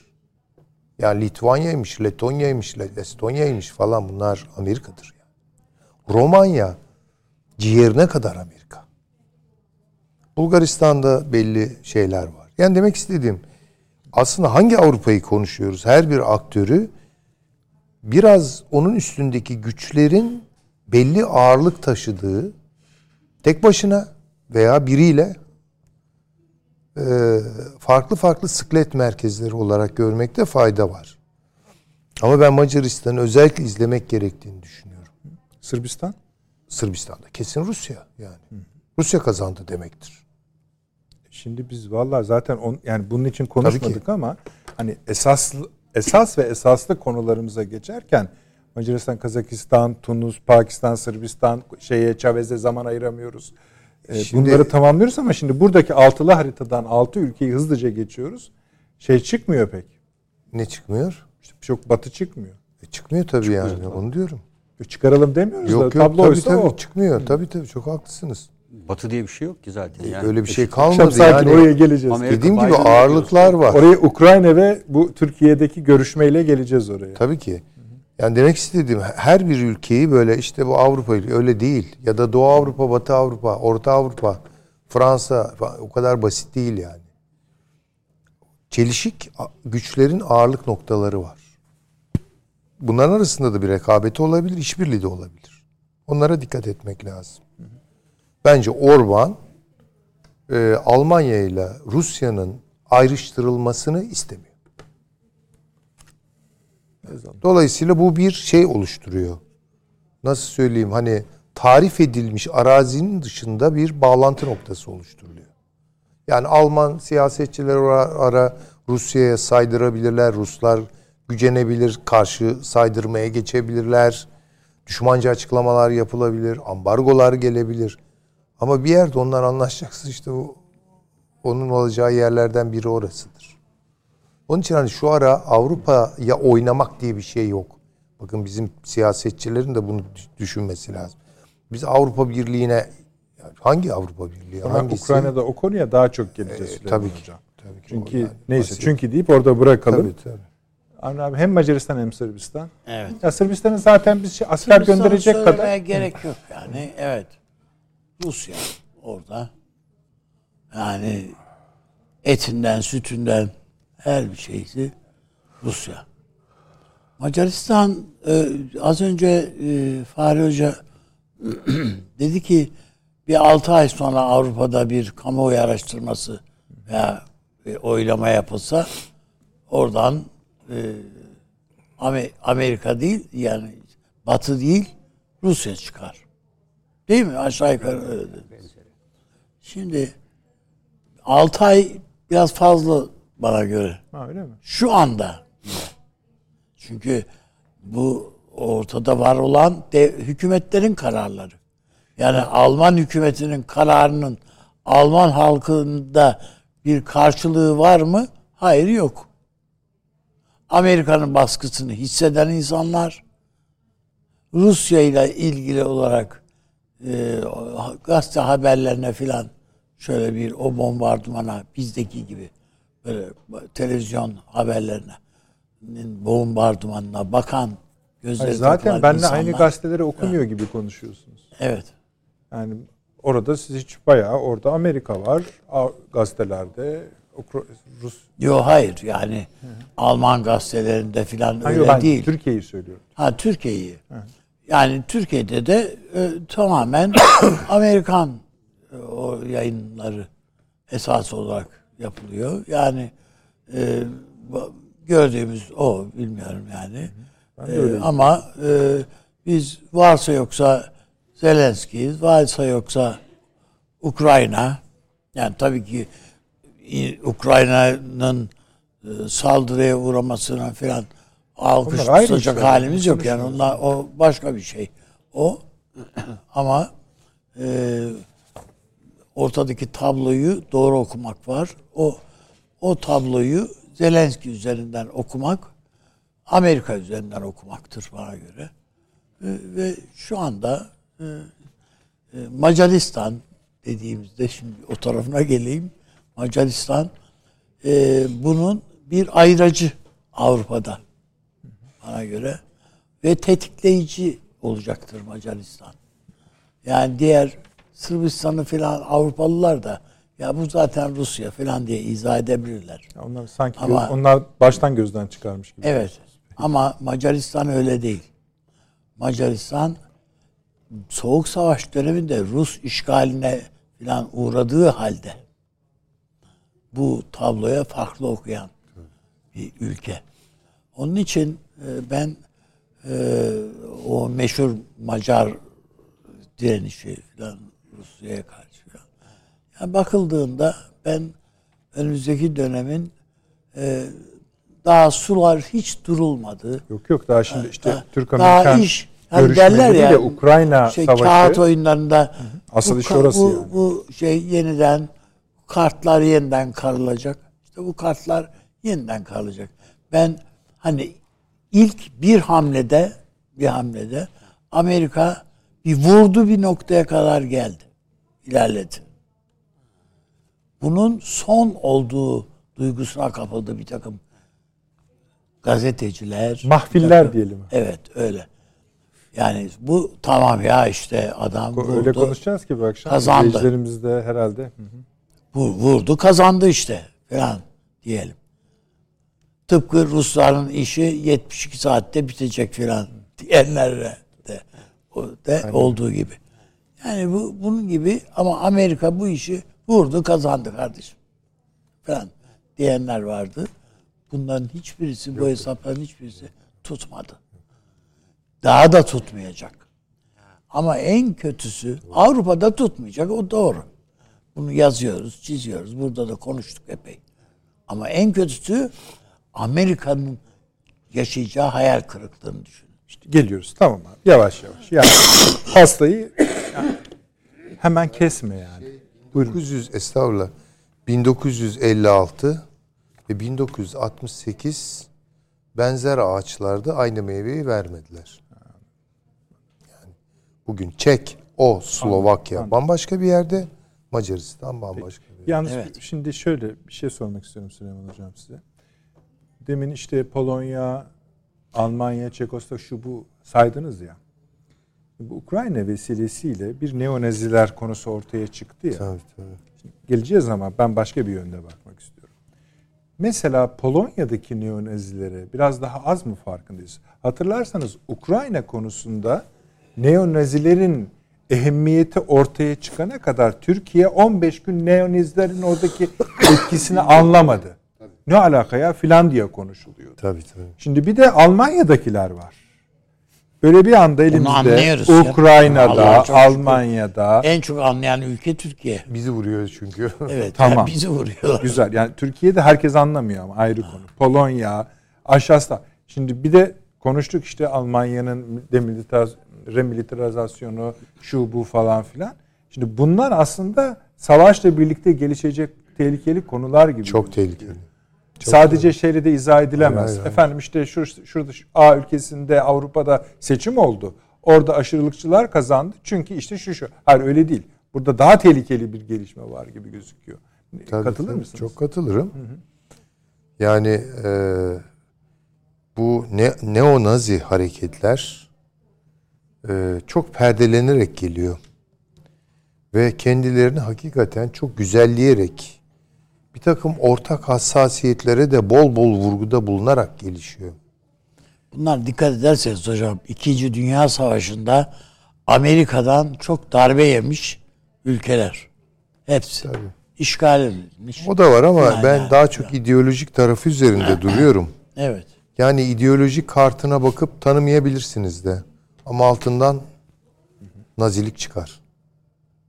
Yani bunu biz Onu- önümüzdeki dönem herkesin canını yakacak bir konuya dönüşeceği benziyor. Efendim tabii. Tabii. Ee, ilginç bir tablo ortaya çıkacak gibi. Tabii mesela çok değişik eğilimler sergiliyorlar. Çevreci hassasiyetler de güdebiliyorlar.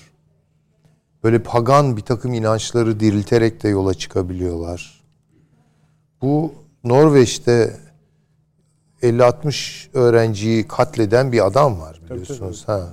Şimdi ismini unuttum. Neydi? Avustralya'dakini de katabilir. Avustralya'daki de bu. Bu daha ilginç bence. Şu Bunun bir adadaki takım- olayı söylüyor. Evet, Evet. Bunun bir takım metinleri var. Öyle Laletdain ağzı köpürmüş bir katil falan değil o adam. Katil tabii de. Yani Arba çok görmezden geldi. Evet. Yani evet. biz atlamış olabiliriz. Çok özür dilerim. Tabii estağfurullah. Bakınız. Baltık dünyası. Norveç'te yeniden Tanrı Odin'e dönüş hareketleri. Bunlar çok tehlikeli. Hristiyanlıklarını falan Dehşet dahi adamlar bunlar da, evet. evet. Bu Baltık dünyasında, Polonya'da, e, Çeko, Slovak, Slovakya'da, tabii ki kısmen Rusya'da da vardı. Fakat Rusya'dakiler bence büyük ölçüde tasfiye edildiler. Çünkü bu iş Rusya'nın kimyasına aykırı bir iş. tamam gelelim. Gelelim, gelelim. Ama Ukrayna'da özellikle fideleri kuruldu bunların. Ukrayna vatanseverleri falan diye böyle anlatılıyor. Ya bir dakika durun. Canım, Bileşenlerine bakın Bu ya. adamları bulup çık. canım, yani Nazi diye Bravo. ya. Bileşenler lafını unutmayın. Kendilerinin de öyle zaten Bu bileşenlerin bir bölümü NATO'yladır çünkü. E Bakın, tabii ki onu da ama söyleyeyim. esas İngiltere. İşte o da MI6'tir esas. yani. Bakın Rusya çıkıyor diyor ki Amerikalılar da bunu söylüyor. Rusya demiyor aslında Amerikalılar diyor. Bu diyor Ruslar diyor çıkacaklar diyor. Ee, şeyde diyor Mayıs'ın diyor 9'u herhalde o tarih. Şeyi ilan zaferlerini ilan edecekler diyor ama zafer olmayacak diyor. Şimdi ayrı konu. Şimdi 9 Mayıs niye? Zafer günü. Neyin zafer günü? İkinci- Nazilerin yenildiği. Bravo. Nazilerin teslim belgesini Evet. imzaladığı gün bunu yapacak diyor. Tabii, tabii. İzleyicilerimiz bu konuları niye konuşuyoruz? Hani Evet. oraya bağlasınlar için ben bunu söylüyorum. Peki. Şimdi bu Ben- haritayı zem- Ben, Şems, ben çok özür şey- dilerim. Kısaca rica edeyim ben şunu konuşacağız. diyorum. Neonaziler e, NATO'nun yeni gladyosu. Bravo. Yani Ben- e, Eski gladyosu da Evet. olabilir. e, Yani- yeni gladyosu Tabii, tabii. e, olarak ben düşünüyorum. E, bundan sonra Avrupa Birliği'nin de esasında PESCO'yu dış tehdide karşı yaparken yakın zamanda PESCO'yu Bravo iç hocam. tehdit Bravo olarak neonazilere çevireceğini düşünüyorum. Ama ne olur devam etmeyelim. Evet. Şöyle yapalım şimdi. Efendim hani işte bakın Macaristan, Kazakistan, Chavez'i atladık, Tunus, Pakistan, Sırbistan konuştuk. Tek kareler fotoğraflar çektik. Derinini konuşmadık. Şimdi bunların hepsinin bu harita ana haritadaki yerini biraz sabitledik. İşte birazcık lafı kaçırdığımız zaman bile işte görüyorsunuz neonaziler şunlar hani NATO'dur vesairedir apayrı yerlere gidiyor ve doğru yerlere gidiyor. Bu bileşenler çok kritik bileşenler. Ama şimdi hani en kremalı yerine geleceğiz biraz sonra. Ee, bir Türkiye-ABD ilişkilerinin bu boyutunu konuşacağız. Hazır Victoria Hanım da buradayken Avni Bey'den başlayarak. İki, Ukrayna'ya ineceğiz. Hem sahasına hem de perde arkasına. Bir reklama gidiyoruz. Hemen geleceğiz. Akıl Odası devam ediyor efendim. İşte dedik ya kremalı tarafları konuşmaya başlayacağız. Amerika buradaydı. En yetkili ağzı diyebiliriz. Özellikle Ukrayna konusunda Victoria Noland. Yani uzun uzun onun şahsını anlatmak istemiyorum ama bütün öykünün kurulmasında yani Ukrayna söz konusuysa evet. bu hanımefendi, eşi, o ekip, Biden ekibi vesaire her şeye vakıftırlar. Bazen reaksiyon çektikleri de oluyor ama asıl işte işin sorumlusu olanlar bunlar. Yani buraya gelip Türkiye ile konuştular. Amerika Birleşik Devletleri Dışişleri Bakanlığı Siyasi İşler Müsteşarı. Geldiler konuştular. Başka yetkililer de var. Birinci maddeleri en geniş kapsamlı olan hiç şüphesiz Ukrayna ama başka şeylerle görüşler. Herhalde biz de bir şeyler söylemiş olmak lazım. Olmamız lazımdır. Avni Bey'den şimdi işte video kayıtlarını dinleyeceğiz dermişiz. Hayır. Buyurunuz Avni Bey. Yani işte Türkiye ve Amerikan Amerika Dışişleri Bakanlıklarının ortak açıklaması var. Söyle bize abi. Ee, stratejik platformda ilişkiler yeniden tanzim ediliyor diye. Cümlesini okuyayım mı? Lütfen. Evet.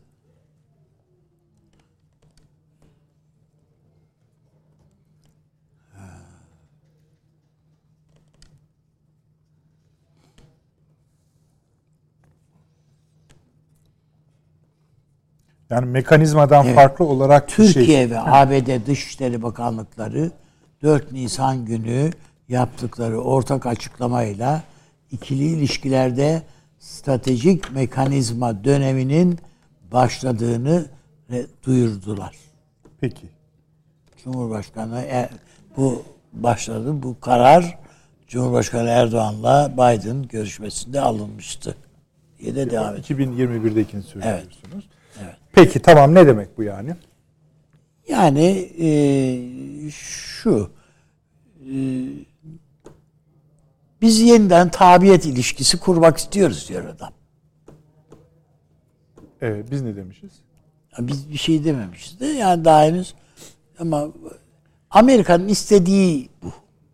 Yani adamın hislerine tercüman oluyorum ben. Tabii gayet tabii yaptığımız esasında Ha, odur. bu. gayet tabii Yani- spekülatif bir şey yapıyoruz Yani ama Amerika'nın ne istediğini bu biliyoruz satırlarda da bir şey var. Bu bizim bizim alenin alenen Türkiye'ye düşmanlık eden bir ülke.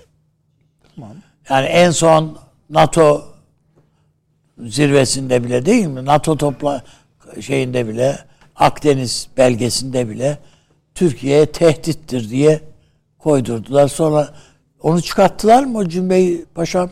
Yok. Duruyor mu hala? Yani sanki hani böyle çıkartıyoruz falan ben gibi laflar edildi. Ha, demek ki duruyor yani. Yani de, tehdit, Türkiye NATO için bir tehdit yani. E, yaptırımlar duruyor zaten. Yani e, Hayır o, o ayrı. Ayrı da ama cümle Ama o- buydu. Orada da zaten neydi? Amerika'nın hasımı olan ülkelerdi. Ha, evet, orada doğru. Bir de O da Rusya, Kore filandı, İran'dı. Türkiye falan yoktu. Sırf Evet. özgü bir şeydi. Türkiye bile e, bunu yaptılar. Bunu tabii. yaptılar. Şimdi e, bu bize böyle düşmanlık eden bir ülke. Şimdi mi böyle? Efendim S-400'leri aldık diye mi böyle? Veyahut da işte şunu yaptık diye mi böyle? Hayır yok değil. Hiç böyle değil. Böyle değil. Öteden beri böyle. 1960'lardan beri böyle. Yani dolayısıyla yani bundan bir dost veya meramını anlatacağın bir şey ortaya çıkarmak mümkün değil. Dolayısıyla ben Amerika'nın herhangi bir şekilde Türkiye'ye husubet içerisinde işte en basiti bu e, PYD Suriye işine baksak bile bizim burnumuzun dibinde adam devlet kuruyor yani. Bir terör devleti kuruyor ve Türkiye'nin gözünün içine baka baka. Ve bütün bu stratejik ilişkiler kuruyoruz. Yeni, yeni bir dönem başlıyoruz. falan denilen şeyde bizim bizimkilerin de evet dediği. Yani öyle mi ha filan dedikleri bir tabloda bakıyorsun adam aynı anda Suriye'de de PYD ile toplantılar yapıyor. Neyi nasıl yaparız filan diye. Yani akıl alır gibi değil. Yani onların tavrını eleştiriyoruz akıl alır gibi değil. Ama bizim de tavrımızı aynı şeye de düşünmek lazım. Yani akıl sır gibi değil. Yani nasıl yani oluyor diye. E, inşallah akıl galip gelir yani. yani bu e, S yani F-35'ler, S-400'ler falan. Yani kaç defa yanılacağız buna? İşte bu dede ağaçlar bilmem neler. falan. Sürekli yanıltıyorlar bizi.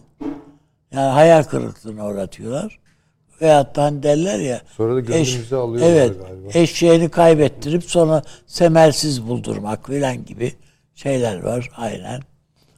Ben o yüzden e, Türkiye'nin bir düşman ülkeyle e, hasım bir düşman demesem bile hasım bir ülkeyle e, bir e, ilişkiler ta- re- yeniden tanzim etme sürecini daha dikkatli, daha efendim e, şey temkinli olabilecek her şeyleri e, göz önüne alarak yapması gerektiğini düşünüyorum. Ha bizim bir yığın hatalarımız var. Yani bu, hiç tartışılmaz bile yani bunlar. Ee, filan. Bu yani yeni değil. Bazı şeyler epey eskidir bunlarda. Yani bizim hatalarımız eskidir yani. Yani nitekim Yaşar Büyükhan kendisi de değildi. Biz bu e, çekiç gücü kabul etmekle tarihimizin en büyük hatasını yaptık diye. E, onu yaptık. Niyetim. Sonra diyelim ki Türkiye'nin Lozan Anlaşması'yla kendi toprağı olan değil mi? Süleyman Şah Türbesi'nin bulunduğu araziyi biz türbeyi geri çekiyoruz deyip yani böyle ya hiçbir devletin yapmayacağını o şeyleri yaptık yani. Üstelik de Süleyman Şah'ın cenazesini, naaşını efendim PKK'ya taşıttırdık yani. Yani pisliğin daniskası yani. Yani başkaları olsa saldırırlar. Biz kendimiz biz taşıyalım dediler. Onlar taşıdı. Veyahut da sen bunu geriye çekmeye kalksan asker sokmak zorundasın içeriye. Türk askerinin içeri girmesi olmaz dediler. Ya. Böyle garip garip numaralar ondan sonra. Ee, ben bunu son derece tehlikeli bir süreç olarak görüyorum. Niye geldiler yani peki? Öyle değil mi yani? Bizi bizi adam yerine koymadın.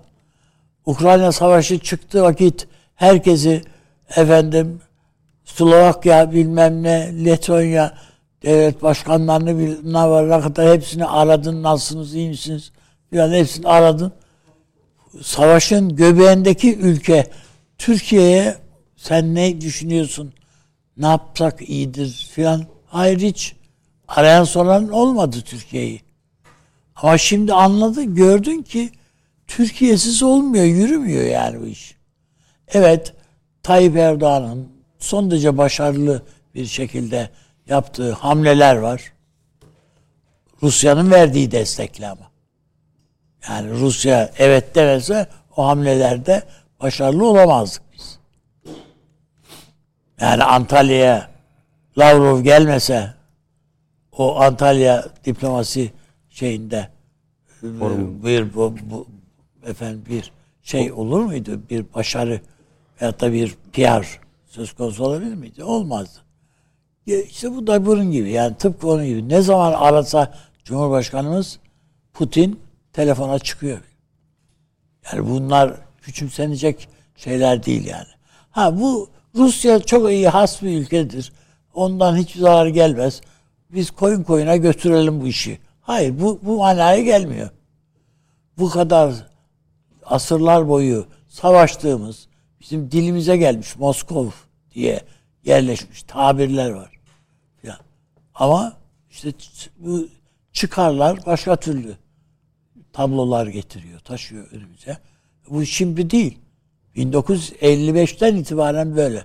Yani 55'te 57'den itibaren rahmetli Menderes Rusya'ya gidelim bu iş Rusya'da biter dediydi ve orada ilk gidiş şeyi e, yani gitme planı rahmetli Menderes'e aittir.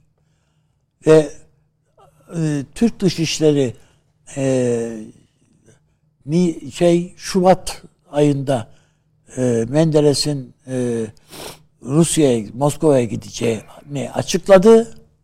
Mayıs'ta darbe oldu. Türkiye'de. 27 Mayıs. Biz bunu açıkladığımızda aynen Rusya adına da e, siyaset işte e, Komünist Partisi Genel Sekreterinin o sene Eylül ayında Türkiye'ye geleceğini açıkladılar Ruslar. Yani düşün hem de bir takım yatırım projeleri, des, ekonomik de, şeyler, işbirlikleri falan diyerek. Yani Rusya'ya Menderes'in ne yapmak istediklerini konuşmuştuk yani. Zaten bir takım yatırımlar var. Sonradan bunları Süleyman Demirel gerçekleştirdi. Yani Süleyman Demirel'in de kafası aynıydı. Baktı ki Amerika istediklerinin hiçbirisini vermiyor. Özellikle enerji projelerine Amerika kökten karşı. Sulama projelerine, enerji projelerine kökten karşı. Ha, Süleyman Demirel ben o zaman bu işi Rusya ile yaparım dedi. Ha, sonuç sonuç değişmedi. Süleyman Demirel bir tür darbeyle 12 Mart'ta ve ondan önce bir öğrenci hareketleri, kalkışma, kalkışmalar falan güm diye gitti. E o gitti canım solcu bir adam gelsin falan dediler. E Bülent Ecevit geldi. Ya adam gitti şey to- NATO toplantısında gerekirse duvarın öbür tarafına geçeriz dedi. Ertesi gün bakıyorsun partisinin içinde alaşağı ediyorlar adam. Lime lime ettiler. Onun için sonrasında da zaten işte e, Erba- Erbakan e, ve e, Erbakan ortaklığıyla Kıbrıs harekatı ve neticeyi biliyoruz. Bir tek Amerika'nın Türkiye lehine bir tek şunu da yaptı kardeşim. Ha bu diyebileceğim Hiçbir şey yok. bir tek eylem, karar veyahut da kıyak. Hani deprem oldu, geçmiş olsun dediler. Bizim çocuklardan birisi Amerikan başkanının burnunu sıktı. Filan. O kadar yani. Başka hiçbir şey literatürde Peki hatırlamıyorum. Rusya için bir şey istemediler mi bu toplantıda? İstemişlerdir mutlaka. Yani yaptırımların hangilerine katılacaksınız? Lise bir liste verin demişlerdir yani. Peki yani Türkiye nasıl bir tavır sergilemiş olabilir? Türkiye bir kere yaptırımlara karşı. Tamam yani Bunu söyleyecek. Söyledi Türkiye. Türkiye'yi Amerika nezdinde şu anda muteber kılan zaten bu. O müstakil tavrı. Eğer oradan bir taviz verilirse yani 3 kalem, o 30 kalem şey varsa bunun, bunun üçünü den tamam biz bunlardan vazgeçtik. Burada yaptırım uyguluyoruz şeye dediğin anda Amerika bilir ki ha, orayı, orayı deldik. Ha tamam gerisi de gelir diye bakar. Onun için yani ben e, Türkiye'nin bu duruşunda, kararlılığında e, Tayyip Bey'in çizdiği rotada sağlam durması gerektiğini düşünüyorum. Peki o zaman bu ziyaretin yani bu kadar üst düzey ve kritik bir adam hanımın ziyareti Evet. e, bir şey elde et yani mek- bu ortak mekanizma açıklaması ben de baştan sona şimdi tekrar okudum. Yani hemen hemen hiçbir şey söylemiyor. Hiçbir şey yani. Ama mutlaka var bir hesap. Yani bir plan var. Ya şöyle düşünün yani nasıl bizde şöyle burada şu anda konuştuğum gibi düşünen siyasetçi, bürokrat, dışişleri göre- görevlisi, şu bu filan filan var idiyse Amerika'da da bunun tam ka- karşılığı karşıtı insanlar var yani. Her yerde var. Farklı. O e, şeyde baktığında orada da bir takım tuzakları adamlar kuruyorlar. İşleri bu zaten. Yani onun için bu ne hatta bizde bizde böyle bir takım aklı evveller gidip Amerikalılara akıl bile verdiler yani geçmişte. Şöyle yazarsanız bizimkiler evet diyecek diye. Yani bunları anda da devam ediyor zaten. artık. Söylemeye mana yok. Evet. Buyurun Süleyman Bey. Estağfurullah. Ee, ben katılıyorum üstadımın hassasiyetlerine ve tespitlerine. Ee, yani 1991 değil mi? Çekiç güç yanıltı. Tabii. Evet. 91 olsa gerek. Ee, bir koyup üç kazanacaktık. Sonra ne olduğunu gördük. Eldeki de gidiyordu diyorsunuz. Evet. Sonra 2011 Suriye'nin dostları 2012 ee, tek başımıza kaldık. Ve üstelik bizi Rusya'yla baya bir kafa kafaya Dö- dö- dövüştürdüler. Koydular. Dövüştürdüler. Şimdi ben bu olayı o zaman bütün bunların sürekli içinde nasıl okuyabilirim? Bir Ukrayna'nın dostları toplantısı gibi. Ukrayna'nın dostları. Peki. Şimdi tabii burada Türkiye'nin tecrübesi ve hafızası belirleyici olacaktır. Yani şöyle bir şeyi beklemeyelim. Hani şimdi demin anlattı üstad yani dökülüyor Türk-Amerikan ilişkileri. Bizim bu ziyareti mesela veya buna benzer, buna mümasil bir ziyareti kabul etmiyoruz demeye mesela Yüzümüz tutmaz. yani hayır yüz bin kere hakkımız var. Evet tabii. İki tane dosya atsanız bunların önüne ne yüzde geliyorsunuz buraya diye diyebiliriz. Mesela Pakistan bunu yapıyor. Türkiye bunu yapmaz. Türkiye Evet. Türkiye bu- buyurun gelin der ama onu nasıl karşılayacağı önemlidir. Sizinle stratejik işbirliğine gitmek istiyoruz. Eğer hafıza, yaşanmışlıklar burada belirleyici oluyorsa usta bir diplomasi ile onların elini boş çıkartmak mümkündür. Hocam hatırlıyorsanız aslında ortalama adamlar bir diplomasiyle de yani Adamlar- o kadar o şey müttefik kelimesini bile kullanmıyorlardı artık son dönemde. kullanmıyorlardı. Hatta uzun uzun önce yani o e, hafızanızın yere, yerine gelmiş olmasına çok sevindik. Demek ki müttefik olduğumuzu hatırladınız.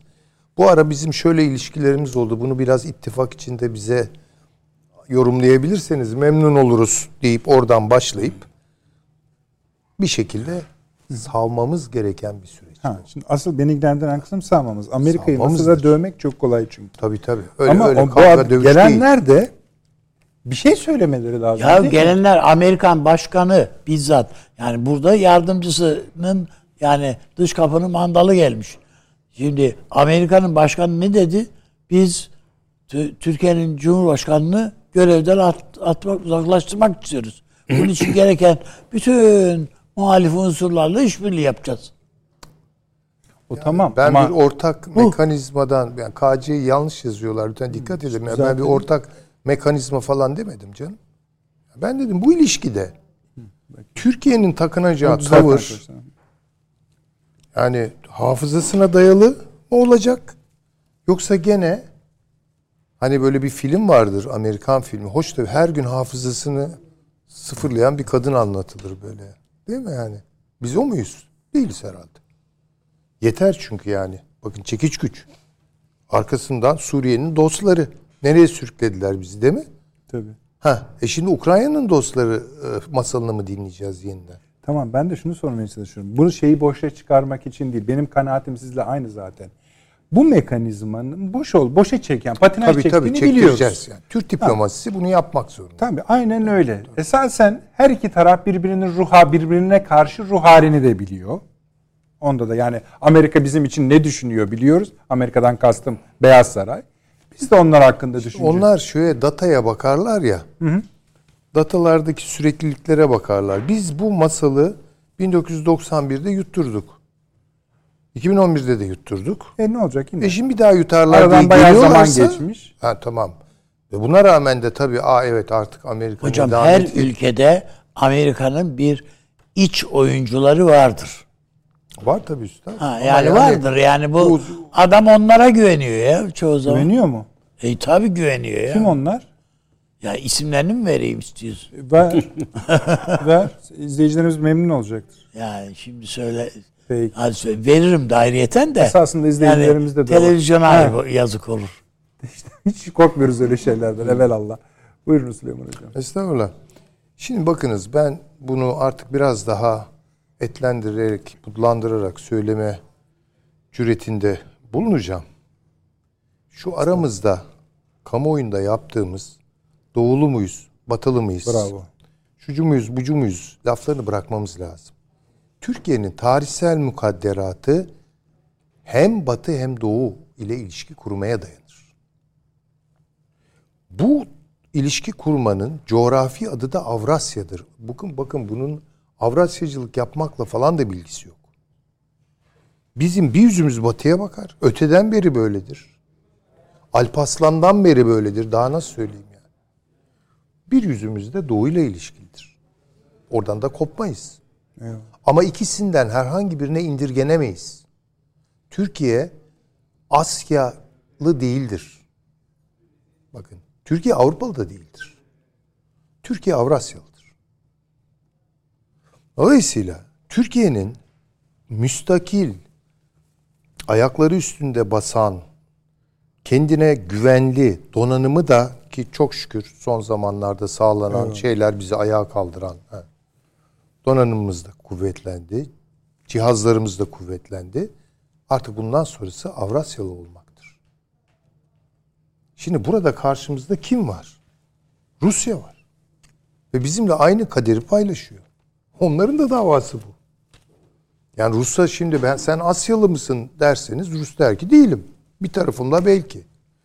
E sen Avrupalı mısın? Bir tarafımla evet ama bir tarafımla Evet, değil. değil tabii. Dolayısıyla Avrasyalı olmak hani coğrafya kaderdir diye lafı geveleyip duruyor ya bir sürü insana. İşte budur bu. Şimdi Türkiye burada nasıl bir rol oynayacak? Batı ile ilişkileri nasıl olacak? Ben izninizle onu söyleyeyim. Tabii. Yani büyük başlıklar kuruyorum ama bunların içi doldurulabilir. Türkiye'nin bundan sonra Atlantik'le işi olmaması lazım. Güzel. Tarif edin. Şudur. Buranın, bu toprakların kaderi değildir onların kaderi. Onlar dışarıdan gelmiş. Bizim kaderimiz Atlantik'te Ha, değildir. değildir. İşte bunu Bizim- yazın arkadaşlar. Kaderimiz Ak- Akdeniz'dedir. Ben söyleyeyim işte bu da mesela Rusya'nın e, Avrasyalılığıyla bizim Avrasyalılığımızı farklılaştırır. Çünkü o kıtasal olarak içeriye en fazla Karadeniz. Daha aşağı inemiyor. İndiği zaman da dikkat edin bizi nasıl bir araya getiriyorlar, karşı karşıya getiriyorlar, düşmanlaştırıyor. Bunu Suriye'de başardılar. Bunu Libya'da da Libya'yı çözdükten sonra, perişan ettikten sonra dikkat edelim ya. Niye böyle oluyor? Ya bir kere de Doğu Akdeniz'de bir konuda anlaşalım. Olmuyor. Çünkü ona göre yaptılar. Bu oyuna Rusya da düştü, Türkiye de düştü. Ya birlikte çıkacağız buradan. Değil mi? Ya da Evet. adamların istediği olacak. O zaman da ne Rusya şikayet etsin ne biz şikayet edelim. Türkiye'nin ilişki kuracağı Batı Akdeniz'le Avrupa'dır. İspanyollardır. Bakın ne güzel. Sayın Cumhurbaşkanı Evet. kaç sene evvel Evet. dedi ki ya bir Akdeniz şeyi başlatalım. Evet, doğru. İspanya hemen evet dedi. Yani bu şu Evet. demek. Barbaros'un torunlarıyla Andrea Doria'nın torunları bu konuda bakın anlaşma niyetini gösterdi. Evet. İtalya girebilir buraya. Buraya Balkanlar girebilir. Tabii. Buraya aklını başına alırsa Yunanistan girebilir. Arap dünyası girebilir. İsrail de girebilir. Niye girmesin? Tabii Yani- yani, öyle. Bu Avrasya bence Akdenizli bir Avrasya'dır. Rusya daha orta ve kuzeydeki Avrasya'yı temsil eder. Asya ile bağlantısını bence deniz üzerinden kurmamızda fayda vardır. Ve burada iş baharat yoluna geliyor. İpek yolu değil. Baharat yolu. Aşağı in, Aşağıyı gösteriyoruz. gösteriyorum. Bu da Hindistan'la Pakistan'ın barıştırılmasından geçer. Türkiye bunlara yatırım yapmak zorunda. Tabii tabii tabii. İşte o zaman bence Türkiye işte arkasında Doğu Akdeniz petrolü bütün bunlarla birlikte o Akdenizlik ya so- sadece şeyde değil. O ne güzel hepimiz e, aynı denize giriyoruz falanla olan bir şey değil bu. Bunun somut maddi bir arka planı da var. Bakın Doğu Akdeniz petrolleri, Doğu Akdeniz doğal gazı. Yapacaksak biz yapacağız bunu. Amerika yok burada. İngiltere de buraya ama sokarsanız geleceklerdir. Değil mi hocam? Zorladığımın farkındayım ama şimdi peki bu şimdi bu buluşmalar gerçekleşti. Gerçekleşecek. Gerçekleşecek. Dahası da olabilir. Tamam ha tamam onu da Ben anladım. arkasını bilmediğim için. Ha, Yani tamam ama ne diye ne de yani ben şunu yani tabii Ha, ne demiş olabilir? Ne istemiş onu olabilir? bilemem. tabii. Ya sö- söyleriz ama Muhtemelen ayıp. Mesela söyleyebilirim ama Yani- ayıp. tahminler Yani olabilir. Yani ama dediği doğru üstadın. Yani muhakkak biz de yani katıl biraz. Sen de şunu yap, bunu yap falan. Peki tamam katıldık sonra mesela Katılırsak diyorum. eğer çok kötü Hayır, olur. o yanlış onda sonra. Onu Yani Amerika ne diyecek yani? Katıldık e De, sen rüya görüyorsun diyecek canım. Tamam diyecek ki gereği müttefikliğin gereği işte diyecek. peki. Ve belki de bir şey verecek hani bir şeker bir şey. Ha Yani şeker ne? Ne bileyim yani para göndeririz sana.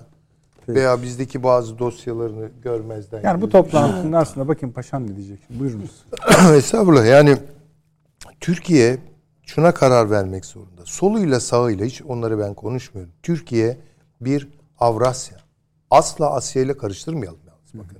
Bu Asyacılık Başka bir şey. buna tebelleş oluyor. Ben bunu bunu kabul etmiyorum. Keşke Yani bu Çin- Avrasya'nın adı değişik olsa. E, ya bir şey olsaydı. güzel bence. Ay Hem güzel Avrupa canım hem da. Asya. Ama kavramın daha önce o FETÖ içine ettiydi. Ay tamam o, onlar artık onlar tabii dejenerasyon işleri de yani ama kim neyi dejenere etmek ister o kavram yeniden kendini temizliyor ve ortaya koyuyor. Yani Ruslarla rekabet edeceğiz. Hiç şüphe yok. Tabii canım ters düşeceğimiz milyon yani şey var olacak. zaten. Ama asla savaşmamamız gerekiyor. Savaşçıl bir pozisyona gelmememiz gerekiyor. Bunu Karadeniz'de başarmak zorundayız ki bunun da imkanları çok şükür var elimizde. Avni Bey dedi ya bu krizin ilk başlangıcında bir coşku yaşadık. Siz o katılmadınız tabii. Nere, coşku? Ne? Coşkumuz şuydu. İşte Batı yeniden ağırlığını koyuyor. Amerika Birleşik Devletleri döndü. Türkiye'ye de etkisi olacaktır. Türk siyasetine de etkisi olacaktır. Türkiye işte Batı ile ilişkilerini tekrar kurarken de birden çok dönüşüm yaşayacaktır. Hem stratejik açıdan. Bir koyacağız, üç alacağız değil mi bunları Bir, bire yani? üç olur mu? Daha Bire fazla? yirmi, 30, 40 o konu serbest bir konu. Şimdi siz bu coşkuya katılmadığınız için Avni Bey'le benim şaşkınlığımı Ee, paylaşamıyorsunuz. Evet. Ama bugün gelinen noktada ikimiz kaldık Avni Bey'le kutlama. siz de coştunuz galiba. Tabii bunun o üzerine. nasıl? Buyurunuz. E ben de coşayım o zaman. Madem. Onun için hala da gelip şuna biraz çıplak bırakmaya çalışıyorum. Gizli saklı bir şey yok. Bu toplantı boş mu dolu mu? Dolu olsa ne olur, boş olsa ne olur? Ee, boş olmasını çok temenni ediyorum. Peki dolu olma ihtimali var mı? Onu bilemem. Yani siyasi e, hesap. Siyasi bir şey değil. ki. Yani Yani bize ne tanık- söylemiş olabilir? Ben Ama işte hani onu bilmiyoruz. Söyle- Bil- sen metin yok anlamak elimizde. istemiyorsun. Hani bir anlamak şey. istemiyorum değil işte. Onu Evet, herkes öyle. düşünürse bir şey olmayacağını o- görür. Öyle hayır yani. Speküle öyle. etmek lazım onu. Ben onu tabii yapamıyorum Peki. ama Ama paşam yapar. o belki de yapar. bilmiyorum. Buyurunuz. Paşam isimleri bir verin de rahat Hepimiz edin. buyur. E, Peki. E, Buyurun. Ben e, önce şunu söyleyeyim. Yani Amerika'nın e, kuruluş kurulduğu, bağımsız ilan ettiği 1176 yılından beri toplam e, 246 yıl geçiyor ve bunun 228 yılı savaşta geçmiş. Bu en son e, veriler. Buna baktığınızda esasında e, ünlü jeopolitikçilerin de söylediği ifade e, Amerika e, niye bu kadar çok savaşmış? Ekonomi ve askeri tahakkümünü kurarak diyor ki hayırsever hegemonya. Yani Amerika Birleşik Devletleri hala e, yaptığı hegemonyanın e, Hayırha olduğunu. e, bir emperyalizmin gerektirdiği hayırsever bir hegemonya olduğunu resmi olarak böyle anlatıyorlar dünyaya. Şimdi e, Türkiye ilişkin ilginç bir ifade kullanmışlardı iki yıl evvel. Ne dost ne düşman. E, dolayısıyla o sürecin üzerinden bugüne kadar akan e, zaman diliminde ne değişti ki e, Türkiye'yi hangi kategoriye koymak üzere buraya geldiler? Dostluktan düşmanlığa mı geçirecekler, düşmanlıktan dostluğa mı geçirecekler? Ee, burada e, temel mantık ya Amerika Birleşik Devletleri öncelikle NATO'nun da çöktüğünü kabul ettiğini ben düşünüyorum. NATO eşittir şu anda sadece İngiltere ve eşittir Amerika oldu. Diğer ülkelerin her biri Amerikan askerlerinin konumlandığı üsler. Bundan sonra Amerika'nın üst politikası değişecek. Maha'nın deniz hakimiyet teorisinde ortaya koyduğu deniz ticaret yollarının kontrolüne dayalı üst anlayışı yerine tehdidin olduğu ülkelerde ve bölgelerde e, ki Avrupa ülkelerinin hemen hemen tamamında. Örneğin e, Amerika Trump demişti işte Almanya'dan çekiyorum. Tam tersi Almanya'daki asker sayısını arttıracak. Letonya, Estonya'da arttıracak. Bundan sonra daha çok Amerika. Çünkü NATO'nun şu anda maliyeti yerine bu tür askerlerle e, burada bir hegemonya kurmanın maliyetinin daha ben uygun olduğunu düşünüyorum. Çünkü işte NATO'da öbürü çıkıyor Hırvatistan, Letonya çıkıyor bana yardım etmedin vesaire gibi ve NATO planlaması kapsamında da Amerika esasında kendi stratejisini de uygulayamıyor. E, dolayısıyla ben e, NATO NATO'nun aslında tabela olarak İşte ya e, zaten tabela, Amerika'ya- e, Amerika açısından Tabela e, zaten. bir Evet. kıymet Yani, ifade e, ediyor. O açıdan da ama bunda şunu da gördü. Tabela olması da yetmiyor. Yani artık e, NATO'ya olan güvenin gittiğini, Avrupa'da var olabilmesi için başka bir araç algılıyor, başka bir aygıt arıyor. Bu aygıtın e, için zemin yok diyor. Bunlardan ayağının biri Polonya olduğu kesin. Diğer güvenilir bir ayak arıyor. E, ona yakın bölgede Bulgaristan, Romanya asla böyle bir ayak olamaz. Balkanlarda Sırbistan gibi güç var. Türkiye Sırbistan ilişkileri iyi. Böyle ve Türkiye'nin Balkanlarda etkiliği son derece önemli. O da mümkün olamaz. İtalya zaten bir öyle bir böyle değişiyor. E, bir bakıyorsun Rusya ile çok iyi. Bir bakıyorsunuz Rusya'dan 20 diplomatı bugün e, gönderiyor dışarıya. Dı- dı- geriye bir tek şey kalıyor burada. Güvenebileceği bu bölgede Türkiye kalıyor.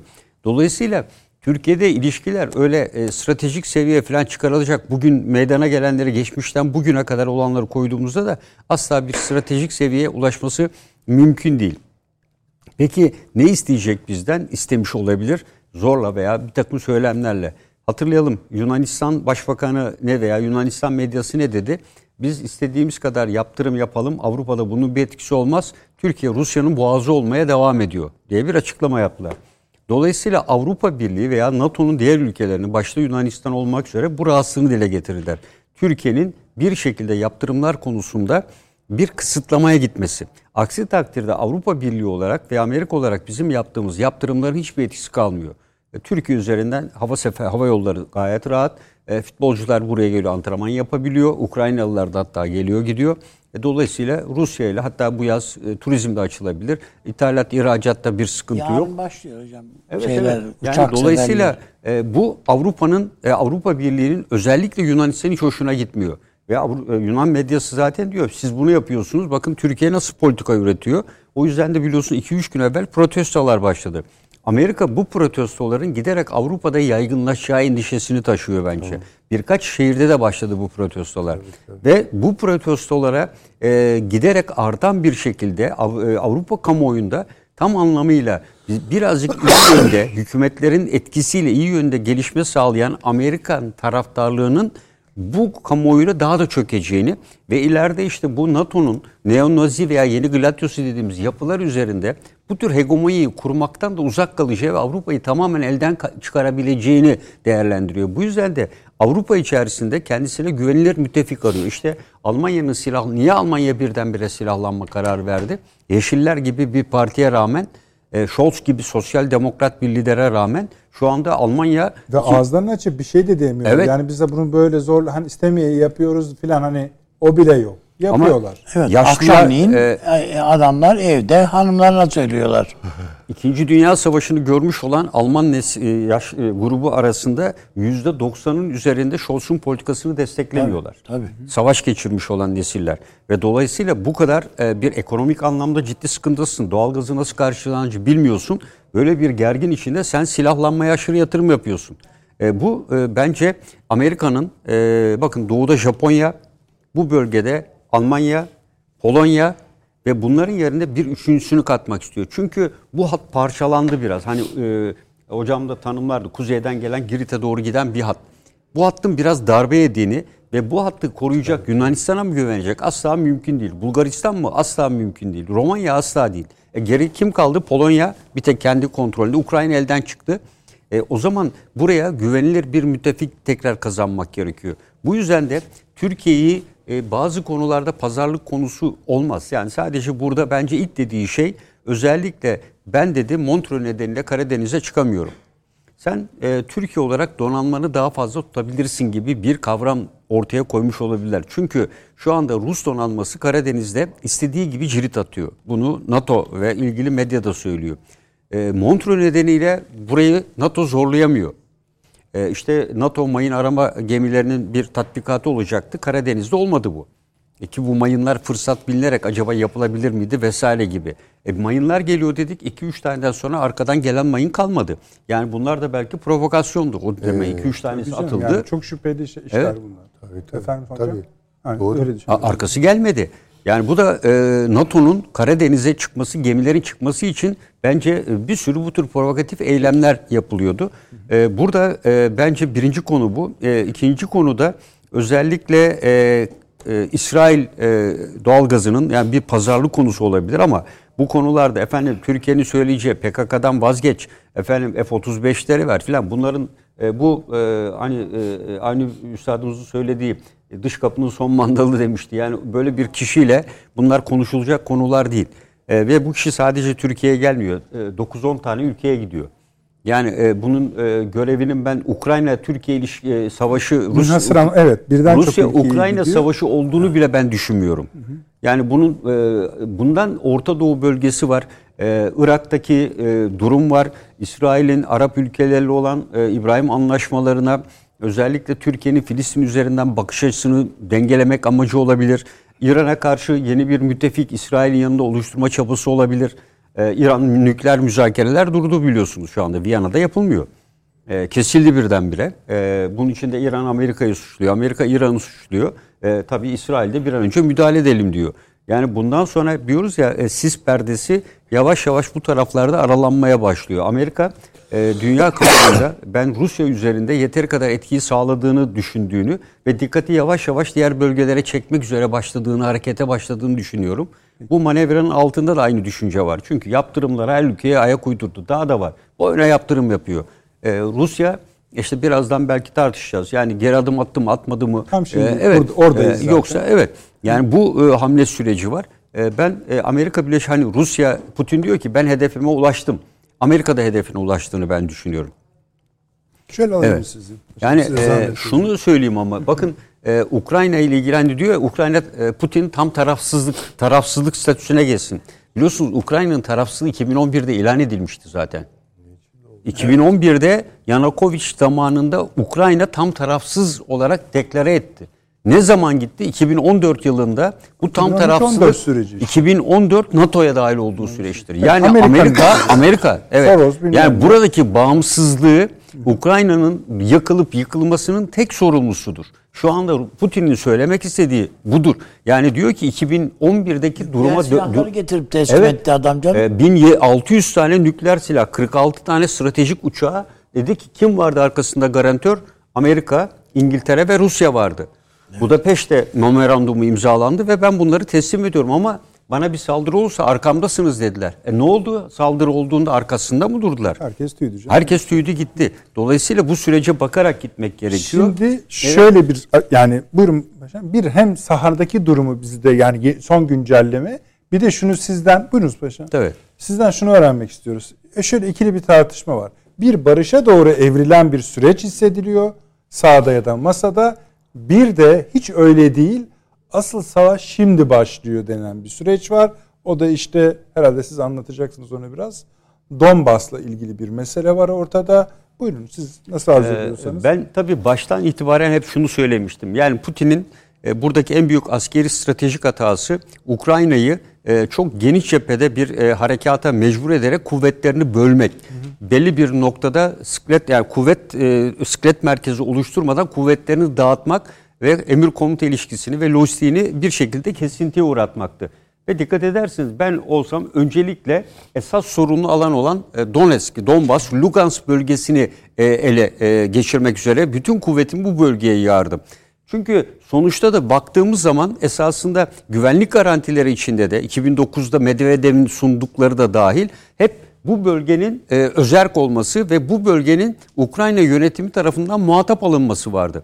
Dolayısıyla temel sorun bu bölge olduğuna göre ve buranın Kırım'la birleşmesi temel hedef alındığına göre harekatı geniş bir alana yığmak suretiyle esasında Putin ciddi bir e, bence bir hata yaptığını ben düşünüyorum. E, asla şehirlere girmeyeceğini de ifade etmiştim. Özellikle iki e, geçen programda da hatta e, Kiev e, Kiev'in e, bir şekilde kendi kontrolü altına öyle veya böyle geçecektir. Onu düşündüğünü ben değerlendiriyorum. Baskı altına alarak durdu. Şu an Kiev'den çekiliyor mu? Hayır. Nereye gidiyor? Belarus'a gidiyor. Belarus-Kiev arası ne kadar? 65-70 kilometre. Çekilmek hiçbir anlam ifade etmiyor esasında. Yani çekildiği kuvvetler 70 kilometre kuzeyde. Şu anda da esasında Kiev'in içinde değildi. 25-30 kilometre dışındaydı. Dolayısıyla Kiev'den çekildiğini düşünmek e, gerçekçi değil. E, Belarus sınırına gitmiştir veya diğer. Çekilmeyle birlikte ne yaptı? Batı bölgelerinde Rivne ve e, e, Lviv bölgelerindeki füze saldırılarını arttırdı. Daha da çok e, ciddi bir şekilde arttırdı. Bir de şunu unutmayalım. E, Stoltenberg'in bir açıklaması vardı. Esasında karşısındaki kuvvet dedi NATO standartlarına göre yapılanmış bir kuvvetti dedi. Yani Ukrayna NATO'da değildi ama bu NATO e, karşısında İtiraf da var yani evet, esasında. Yani biz onu eğittik diyor. Biz onu yetiştirdik, tesisatlandırdık. Elindeki malzeme de NATO malzemeleri. Zaten buradaki savunma hatları var tam gösterilmiyor. Burada hazırlanmış olan savunma mevzileri NATO'dan aynen Afrin'de Amerika nasıl bize karşı yapmışsa o beton koruganları onların benzerleri var. Buradaki harekatın uzun sürmesinin nedeni NATO'nun ve Amerika'nın Donbas bölgesini e, azam, en güçlü şekilde savunma sistemine uygun hazırlaması. Her türlü tank, tank savar silahları, uçak savar silahları, hava hakimiyetini sağlayacağı, e, burada e, Amerikalıların en son nesil e, tank savar silahları her biri buradaydı. Yani esasında Batı'nın en güçlü ve stratejik silahlarının bir test alanı oldu burası. O yüzden burada Donbas bölgesi uzun sürdü. Ve e, Putin de Putin'in bu stratejik bence hatasını da e, Ukrayna ve dolayısıyla Amerika ve NATO iyi değerlendirdi. Bakın bu bölge hala tam kontrolü sağlanmış değil. Paşam, Kiev'deki, Kiev'in etrafındaki Rus güçleri geri dönmüyor diyorsunuz. Ben dönmüyor tabii. Bunlar gideceği yer Belarus. Tamam. Ee, Orta bölgeye ve Donbas'a doğru da gitmiyorlar Hayır. diyorsunuz. evet, oraya gitmesi gitmesi çok ciddi anlamda bir çekilme anlamı taşır. Buraya getireceği kuvvetler e, Rusya'nın Doğu Bölge Komutanlığı veya Kuzey Bölge Komutanlığı'ndan kuvvetler olabilir. Buradaki kuvvetleri bu bölgeye kaydırmak çok ciddi stratejik bir hatadır. Bu e, ge- ileriye doğru intikal eden kuvvetler daha çok gerçi Ukrayna'nın bir hava e, hakimiyeti vesaire e, konusu yok. Ama buna rağmen insan hava araçları ve benzeri sistemlerle eğer gördüklerimiz e, görüntüler, imha edilmiş tanklar, e, başka manipüle edilmiş görüntüler değilse e, Ukrayna, e, Rusya gibi bir gücün bu kadar tank zayiatı vermiş olması kabul edilemez. Yani çok ciddi Yani- bir e, tank zayiatı var. gerçekçi bulunmuyor kimse Ben de tarafından. tabii yani e, efendim 14 bin 15 bin Rus askeri öldürüldü diyor. Bu hiçbir gerçekçiliği bence olduğunu düşünmüyorum. Ama Bunlar ayrıca tartışılır yerinde çıkar. Ama burada e, esas sorun e, Donbas bölgesini Putin çözemedi. Yani bu bölgeyi e, kurtaramadı. Başlangıçta ağırlığı buraya vermedi. Buradaki özerk ayrılıkçılara fazla güvendi. Ve buraya geldiği Çeçenleri buraya getirdi. Çeçenlerle birlikte ayrılıkçıların bu bölgeyi işgal edeceklerini kendisinin diğer bölgeler üzerine odaklanması gerektiğini düşündü.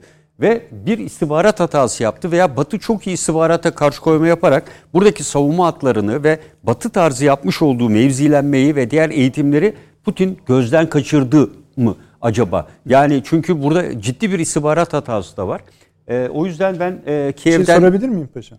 Şimdi Batı e, resmi kaynakları, Rusya'nın da özel kaynakları Donbas bölgesinin etrafının batıdan tamamen koparıldığını, yani her açıdan yollar, askeri mühimmat, e, ham madde, yiyecek falan koparıldığını, buranın tam olarak çembere alındığını, gel gelelim Donbas'ta işte o tam kırmızı bölgede yani şu sağdaki haritada, haritada Fahri Paşam ee, yaklaşık 60 ile 80 bin civarında Ukrayna askerinin ama bunlar sizin dediğiniz gibi NATO tarafından eğitilmiş lojistiği olan yani lojistik derken desteği değil malzemesi silahı olan fakat lojistiği olmayan dışarıdan beslenmesi olmayan bir alana darlanmış gözüküyordu. Bunu iki tarafta söylüyor savaşın asıl yani yıkıcı etkisinin, kırıcı görüntüsünün de burada ortaya şimdi çıkacağını söylüyorlar. Hatta daha ileri giderek bu hafta sonu bunun başlayacağını Yani, e, e, söylüyorlar. evet. E, Mariupol zaten düşecek diyorlar. Yine onlara göre Luhansk yani e, tam şeyi hatırlamıyorum ama Donetsk'in e, galiba yüzde 90'ı Luhansk'ın yüzde 60'ı tamamen Rusların eline geçmiş durumda. Mariupol düştü düşecek diye bakıyorlar. Orada sadece liman ve fabrikaların ele geçirildiği söyleniyor, direndiği söyleniyor. Tabii fabrika deyince insanlar şey anlamamalı izleyicilerimiz. Çok büyük sanayi alanları bunlar. Yok canım, Ama kömür, kömür fabrikası. ama alanları geniş. Yani şey kullanıyor bunu direnişçiler. Ee, fakat işte o kırmızı noktalı alanda bir sıkışmanın meydana geldiği söyleniyor. Yani e, buraya e, kuvvet için e, bir ülke içindeki stratejik anlamda oradan çekmez de buradan çevrilmiştir çekmez. yani. Yani. burada dediğim gibi e, Mariupol'da zorlanmasının temel nedeni burayla bu kuzeydeki Ukrayna güçleri arasındaki bağlantının yani Türkiye'nin de desteğiyle hani e, burada insani yardım hattı da açıldı. Buradan e, ki bu, bugünkü rakam itibariyle 620 bin kişi olmuş Rusya'ya giden e, Ukraynalı sayısı. Arzu. Yani- yani, sağ tarafta da anlatabilirsiniz. Evet yani istiyorsanız. e, buraya İstiyorsanız. çok yani burada dediğim gibi şu bölgeyi ilk baştan itibaren e, bütün güçleriyle koparmak. Esasında Putin ne yaptı? Harekatı geniş alana yayarak buradaki Ukrayna'nın en güçlü askeri birliklerinin e, ki Rusya'nın asıl taarruzunu buradan yapacağını değerler. Normalde baktığınızda da söylemlerden bunu çıkarırsınız. Yani bu ne yapıyor sizi? Kırım'ı ve Azak Denizi'ni kontrolünüze altına alıyor ve bu bölgeyi de e, bir koparıyorsunuz yani resmen. E, dolayısıyla e, Belarus üzerinden giderek Ukrayna kuvvetlerinin dağılacağını düşündü ama e, Ukrayna kuvvetlerini fazla dağıtmadı. Çünkü NATO strateji asıl taarruzun geldiği yerde kuvvetli olmaya devam etti. Bu bölge e, kontrol kapo- kap- e, koparılmadığı takdirde Batı bölgede, Kiev'de ve diğer bölgelerdeki güç üstünlüğü bir işe yaramayacaktı. Ve Putin e, bence bunu fark etti ve Kiev e, bölgesindeki güçlerinin o bölgede duruşu E, bunlar güçlü birliklerdi oraya gelenler. E, ve son derece ciddi bir zaman kaybı olduğunu ve Kiev gibi önemli bir şehrin Batı kamuoyunda da ciddi bir anlamda direnişle durdurulduğu şeklinde bir resim, taktik resim ortaya çıkmaya başladı. Büyük onlar ileri gittiler yani. Onlar da Evet. Rusya yenildi. Evet diyor. işte bu imaj ortaya çıkmaya Evet. başladı. Ama bu imaj var. değil, bu imaj Donetsk'ten gelmiyordu. Bu imaj dünyanın gözü kulağı olan, dünya Onda medya haklısınız. mensuplarının Yani yüzde Kiev'den seksenin geliyor. olduğu Kiev'den geliyordu. Doğru. Ee, Kiev'in batıyla bu savaşın en önemli e, hani iliştirilmiş gazetecilik falan denir ya Kiev'de bulunan gazeteciler %90 oranında Batı endeksli olarak çalıştılar. Yani hep Ukrayna'nın yanında yer aldılar. Rus askeriyle birlikte hareket eden hiçbir basın mensubu görmedik. Ama Ukrayna bunu yapıyor, Ukrayna şunu yapıyor diyerek Kiev e, adeta direnişin tam anlamıyla bir sembolü haline getirildi. Bu da Rus ordusu üzerinde ciddi bir psikolojik baskı ve Rus e, Rusya üzerinde de e, ciddi bir psikolojik baskı yapmaya oluşturduğunu gösteriyor. O yüzden de bence Etkili burada- olduğunu düşünüyorsun. Evet, stratejik bir hamle yaparak burada bulundurmanın dediğim gibi bir anlamı kalmadığını çünkü bu kuvvetleri oradan alıp buraya getirmesinin bir anlamı yok. En kısa zamanda müdahale edeceği neresidir? Belarus. Bu güçler uzun süredir bir aydır arazide. Arazide uzun süre böyle kalıp da çamurda toprakla olmayanlar bunu anlamaz. Bir gidip kendilerini yeniden toparlama, yeniden düzenlenme, yeni bir harekat için e, eldeki şartları iyileştirme, eksiklerini tamamlama için bir fırsat. Dediğim gibi Kiev'de bulunurken de 25 kilometreydi. Belarus'a giderse de 75 kilometre. Ki hiçbir anlam ifade etmez. Hava üstünlüğü Rusya'da olduğu sürece. Ama öncelik buraya gelecek. Çünkü burayı kontrol etmeden Mariupol'u bakın yıl aylardır uğraşıyor. Bir aydır Mariupol'u kontrol altına tam alınamadı. Her yer yıkılmış vaziyette. Ee, burası kontrol altına alınamazsa her sona Azak e, denizi kontrol altına alınamayacak. Ve Kırım'ın kontrolü sağlanamayacak. O yüzden bu bölgedeki hakimiyetini pekiştirmeden diğer taraflara gitmesinin bir anlamı yok. Ve dikkat edin son birkaç gündür Odessa üzerinde yoğunlaşmaya başladı. Füze saldırı. Oradaki petrol rafinerisine ve benzeri tesislere başladı. Bu da nedir? Rusya'nın içine yapılan bir saldırı var. Mesela bu biraz konuşuldu, durdu. Rusya'nın petrol tesislerine e, Belgorod kentiydi sanırım. Buraya bir saldırı. Bunu kim yaptığı bilinmiyor. Rusya'nın içinde savaş karşıtları mı yaptı? Ukrayna hayır ben yapmadım diyor. Ama bunun aynı Kazakistan'daki bir suikast benzeri Amerikan vari bir e, bir eylem olduğunu ben düşünüyorum. Bunu Rusya'yı adeta daha çok savaşa teşvik etmek için yapılmış bir hamle bu. E, bu basit ve sıradan geçiştirilecek bir olay değil. Onun üzerinde durulmalı. Ve Putin hemen akabinde Odessa'ya saldırmaya başladı. Ve e, dediğim gibi buraya birçoğu hava savunma sistemleri tarafından vuruldu ama e, vurulmayıp buraya e, isabet kaydeden füzeler var. Bugün de bir Rus fırkateyninin vurulduğu ifade edildi. E, Oradan bir- çıkan bir geminin vurulduğu da Evet söylendi. onlar da söylendi. Dolayısıyla savaşı e, bence Donbas bölgesiyle Odessa e, hattına kaydırıyor. E, Kiev'i de ama kontrol altına tutmaya devam ediyor. Kiev'e darbeyi ne zaman vuracaktır? E, bence bu bölgelerde iyice sıkıştığı anda Kiev tekrar e, Kiev'e harekatı tekrar başlatabilir. Ama bu bölgelerde tam hakimiyeti sağlamadan şu anda kontrol altında değil buralar tam olarak. Bu Dönüşü kontrolü mümkün gözüküyor musunuz ordunun oraya dönüşünü? Rus ordusunun. Kiev'e tekrar mı? Ben mümkün gö- gözüküyor. E, yet- Çünkü e, şu anda Belarus'a doğru e, tam e, uydudan görüntüler vesaire gelmedi. Sadece çekiliyor. Nereye gittiği belli değil. Ama bence gitmesi gereken Rivne, Elmes E veya Sumi değil. görüyordur canım. En yakın yer e, Belarus. Yani Belarus'a çekecek. Yani e, Belarus'tan tekrar e, buraya e, süratli gelebilir. Yani Amerika'nın Katar'da hani Doha'da 10 bin tane askeri var. Niye onlar orada duruyor? E, bir yere vurmak üzere bekleyen çekiç gibi anında nakledebiliyor. E, burada da Rusya o birliklerini kısa zaman içinde buraya sevk edebilir. E, burada ben e, önemli bir şey olarak tabii Putin'in Amerika adeta taktik nükleer silah kullanılmasını da teşvik ettiğini ben düşünüyorum. Çünkü Donbas'ta mı? e, Donbas'ta e, olabilir. İkincisi Kiev'de asla Aman aman olmaz. paşam yani. Evet. Orası Ee, felaket bir bölge e, zaten. Yani orası evet. cehennem kazanı şu anda. Kazandan tabiri de yani hani içeridekinin çıkmasının mümkün olmayan bir şey o. Yani orası öyle kuşatılmış diyorlar.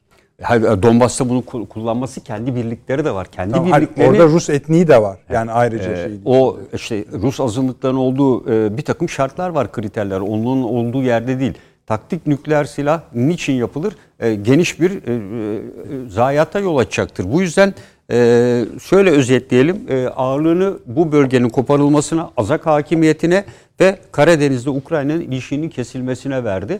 Ondan sonraki süreci ben pazarlık konusu yapacağını düşünüyorum. İkincisi Ondan de masa diyorsun. Kiev'den çekilmesi biraz evvel belirttiğim nedenlerin dışında Zelenski ile yapılmış bir pazarlığın da bir sonucu olduğunu şimdi düşünüyorum. sizin anlattığınız tablo olsun ya da Donbas'ta önümüzdeki hafta başlayacağı söylenen ikinci bölümü olsun. Çünkü şöyle bir şey var. Adam birinci aşama bitti dedi. İkinci aşama ne? Evet. Tabii tabii. Yani Demek ki ikinci bir aşama var. O da geriye bir şey kalmadı. O Donbas kaldı. Yani şöyle söyleyeyim aslında böyle bir şeyin olmaması çok iyi olur. Çünkü çok kan akacağı hissediliyor Tabii. Süleyman Hocam. Şimdi biraz sonra hem size hem Avni Bey'e e barış anlaşması ne oldu diye soracağım. Ama Hem- önce bir reklama gidip dinlenelim müsaade ederseniz hemen dönüyoruz. Son bölümde karşınızdayız efendim Süleyman Hocam. E ne oldu barış? Efendim öyle bir şey yok. Ha barış yok. Yok. O zaman savaş mı var? Devam edecek. Nasıl? Nasıl? Etap etap devam edecek bu. Yani Rusya'nın hakikaten beklentileri var. Rusya oradan istediklerini almadan ayrılmaz. Amerika da bu savaşın uzamasını istiyor. Peki güzel. Arada Ukrayna mahvoluyor. Belki bugün İstanbul'da şey mi demiş, dün şey demiş olabilirler mi? Siz de fazla çok şey yapmayın. Yani özellikle Valla tabii bunu çok anlaşmalı götürdükleri kanaatinde değilim ama tabii. bir şey var. Ee, bence çok daha başka savaşlar bunun tetiklediği yaşanıyor ve o savaşların galibinin kim olduğuna çok dikkat etmek lazım. Kimin lehine en azından geliştiğine çok dikkat etmek lazım.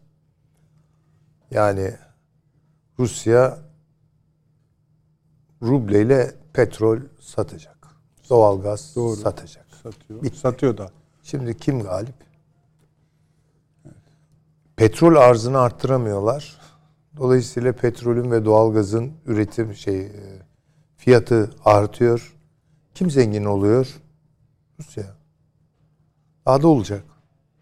Hepsi yüksek zaten. E bütün bunlar nereye dönecek fatura olarak? Avrupa'ya dönecek. Amerika'ya dönecek. Bu iki yüzlü şeylerini sürdürebilecekler mi? Siyasetlerini. Yani biz Rusya'ya yeni ambargolar konulmasını istiyoruz ama biz onlardan petrol almaya devam edeceğiz. Ne biçim laf bu ya? Ya rubleyi ödeyeceksin yani. Kim kim ambargoyu koyuyor? Nereye kadar?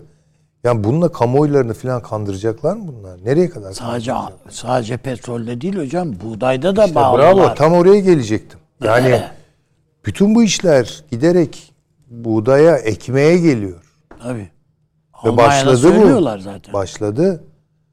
Almanya'da, Fransa'da vesaire. Bu ekmek kavgası Avrupa'yı yakar yani. Orada pasta lafı edilince de bir şey olur biliyorsunuz yani. Şunu da bir- yani şeyler de sürüyor. Yani ara, arabuluculuk tabii şey için söylüyorum. Hani günlük konuşma açısından söylüyorum. Ama sizin dediğiniz gibi ise önümüzde haftalar ve haftalar. Var tabii. Tabii. Ben öyle görüyorum. Tabii tabii. Yani Peki. kimse onu beklemesin. Ha birden Zelenski. Bir kere Putin Zelenski'yi ancak diz çöktürdüğü zaman muhatap kabul eder. Teslim yani. Hay pazarlık yapmaz Zelenski'yle. Oturup hadi gel. Bir ucundan sen tut, bir ucundan. Yok, muhatap olarak görmüyor. Şimdi o olmayan bir devletin başkanını asla Olmayan kabul bir etmez. Kabul devletin- etmiyor ki devleti Tabii zaten. öyle. Böyle bu durumdalar yani. Putin Ma- oradan ma- gittiyse bunu yani Macron'u oturtturduğu masa gibi bir şeye. o takdirde Putin kendi sonunu e, Aynen, e, aynen. imzalamış demektir. Putin oradan sapmayacak yani. Siz de aynı mı düşünüyorsunuz? Kesinlikle. Hani zama, yani zamanlama açısından. Hiç Yok yok Ben- öyle bir şey ben- beklemesin kimse. Yani, yani. Mayıs'ın filan sonunda o da barış anlaşması diye yapmaz. ateşkes olur belki Ateşkes, sınırlı. evet. Ateşkes Ateş- olabilir. Belli ateşkes şeyleri olabilir. Rus Ama bitirdik biz savaşı. Yani 9 Mayıs'ta Yani Mayıs'ta tam Amerikalıların lafı yani. İşte inanılır mı öyle bir şey yani? yani. Yok öyle bir şey. Ya Yani. daha, 9 Mayıs. e, daha e, hacimsi az dağlık Karabağ'da bile daha henüz ateşkesten barış görüşmelerine geçilemedi. Arada- Bir sene geçti. Arada paşam söyledi yani hatırlattı biliyorsunuz. Afrin'e kaç günde girdik biz? Evet. 40 günde. 40 günde. E, tabii sen. Bakmayın o böyle savaş başlamadan evvel Rusya dalacak 36 saatte geçer. bitirecek diyen kendini bilmez bir sürü adam konuşuyordu atıyor. Yani şey e, Ya burası at Avrupa'nın yarışına bahis yatırır gibi. şeyi yani. Değil, ülkesi. öyle bir şey olabilir mi? 48 saatte, 36 saatte. Olmaz Yani ben e, onun için Mayıs'ın sonunda falan bir ateşkes olabilir. Belki. Ben Zelenski ile Putin'in herhangi bir ortamda yani belki e, ne bileyim sanal ortamda bir yani şeyde E, olabilir. kabul şartlarını hani zafer Ama anlaşmasını imzaladığı yan yana olmadan Putin gitmez. yan oraya. yana gelebileceğine kesinlikle ihtimal vermiyorum Putin'in. Ben de hiç. Böyle şey, ihtimal vermiyorum. Sıkışılan yer neresi? Yani Amerika'nın Zelenski'ye daha bitmedi demiş olması mı? Sahadaki tabii, o da meseleler var. mi? Tabii canım o var. O var. Amerika Yani- otur Ya demedi. zaten hiç. Zelenski Zelenski'nin bin de pişman. Zelenski'nin de bütün derdi Putin'le bir görüşeyim. Ya. Bütün derdi bu adam. Şu anda başka bir derdi var mı? Ama içerideki Azov birlikleri diyor ki seni tepeleriz. Tepeleriz. Tabii. Öldürürüz seni diyorlar.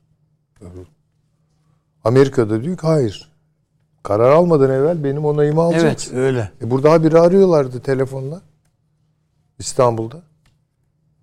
Ya, e, Amerikan halkla ilişkileri işte onu ayarlıyor. Bir bakıyorsunuz Grammy ödülünde konuşuyor, bir bakıyorsunuz bir yerde konuşuyor yani. Avni Bey Oscar'da konusunu istedi Evet. ama orada tokat vakası olduğu evet. için Evet. yer kalmadı ona. Şu e, Fahri Paşa'nın girişini yaptığı NATO, neonazi, Almanya vesaire onu biraz Efendim, hatta e, Gladio ifadesini de kullandı. Paşa Doğru. ama. Çok doğru ben de katılıyorum. Ve yeniden o uyuyan veya uyanmış ama böyle kriminal dünya ile birlikte anılan bir takım hücreleri etkili bir şekilde siyasallaştırıyorlar. Çok açık. Bunlar Fransa'da da var hocam. Her Ta yerde var üstadım İkinci Dünya yani. Savaşı'ndan beri var. Yani Her yerde var. Vichy. Yani biz hakikaten Artıkları. ne necip bir milletmişiz ki. Hakikaten. 5 milyon Suriyeli geldi. Evet. 5 milyon Suriyeli ki ya bir tane böyle büyük bir olay çıksın yani. E vardır belki. Bizdeki hocam ufak- en büyük olay Ay. niye onların mağazaları Rusça yazılar, şey Rusça diyorum, Arapça, Arapça yazılar, yazılar bilmem ne. Yani işte Bu da tabii şey. şey, Ya bir da şey işte, değil. e, kız arkadaşıma göz dikti falan gibi. Evet. Ha gibi meseleler Olay. yani. Almanya'da dün bakan bugün müydü yoksa açık dedi ki gelen her bir Ukrayna vatandaşı için minnettarız çok iş açığımız var çünkü. Ay, Ukraynalıları Eğitim nerede seviyesi- çalıştıracaklar bilmiyorum. Ha yani Ama onlar kömür madenine bir indirsin de göreyim onu. Gelen Ukraynalılar normalde kadın ve çocuk yaşları olması lazım. E, bunlar yani 18-64 çok iş gücü- cephede olması evet. lazım. Bunları- Demek ki Ukrayna'dan cepheden kaçanlar var. Eğer öyle o nitelikleri var. istiyorsa. Siz ne düşünüyorsunuz? Siz kendi fikrinizi devam ettirin bence. Ben kesmiştim çünkü onu. Bu NATO, Gladio, neonezi meselesini Ya, nasıl anlıyoruz? Baş- ben bitti varsaydım da onun için. E, yani ben yok sö- söyledim. Güzel. Yani ben basit bir şey söyleyeyim. Ben 1980'de 81'de Polonya'ya gittim. Tanıştığım her Polonyalı yaşıtım o zaman gençlik. Bana Osmanlı övgüsü yaptı. Biz haritadan silindik. Rusya ve Almanya bizi parçaladı, paylaştı. Bizi bir tek Osmanlı hatırlıyordu diye böyle kitaplarına geçen bir böyle ben şaşırıyordum ve çok hoşuma gidiyordu. Ama bugünlerde Polonya'ya gönderdiğimiz Erasmus öğrencisi Türk çocukları dayak yiyip geri geliyor. Böyle bir nazilik türedi orada. Irkçılık türedi. Ve çok ciddi bu rakamlar. Yani gökte falan vardır bunların rakamları muhtemelen. Biliyorlardır. Ya benim kişisel basit yani öğrencim Polonya'ya gittim. Aa ne güzel ben de bilirim oraları diye söylüyor. Hocam çok kötü dayak yedik. Niye? Esmer işte dayak yiyor. Ya bu olmayacak bir şey. Ama oldurdular bunu. İskandinavya göründüğü gibi asla masum değil. Bakın ben bir film tavsiye ediyorum. Midsommar diye. Millet bir seyretsin o filmi de oralarda neler Bana olduğunu görsün. gelmedi. Midsommar evet. Peki, Miss Sommer. Evet. Tamam. Teşekkür ederim. Paşam. Ben e, şimdi burada e, Gladio tep e, tarzı bir yapılanma derken esasında bu Ukrayna'daki Azok taburunun e, bu e, satışma e, e, savaş sürecince neonazilerin bir simgesi olarak ortaya çıkacağını düşünüyorum. Yani bu e, neonaziliği, e, gruplaşmayı ve bu tür yapılanmaların sonuç elde edebildiğini Avrupa'ya bence göstereceğini ben değerlendiriyorum.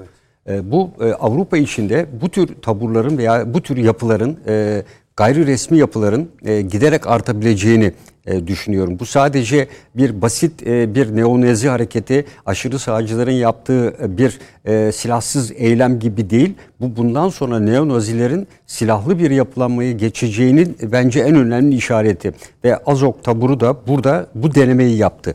Gerek gösterdiği vahşet ve diğeriyle DAEŞ'ten hiçbir farkının olmadığını gösterdi. Yani neonazilerin Hitler döneminden beri asla adına aslan neo demeye de gerek yok. Yani e, e, Naziler e, demek daha iyiydi. Neo deyince biraz daha ıslah edilmiş falan gibi e, anlıyoruz ama öyle bir şey yok. Daha da beter olduğunu görüyoruz.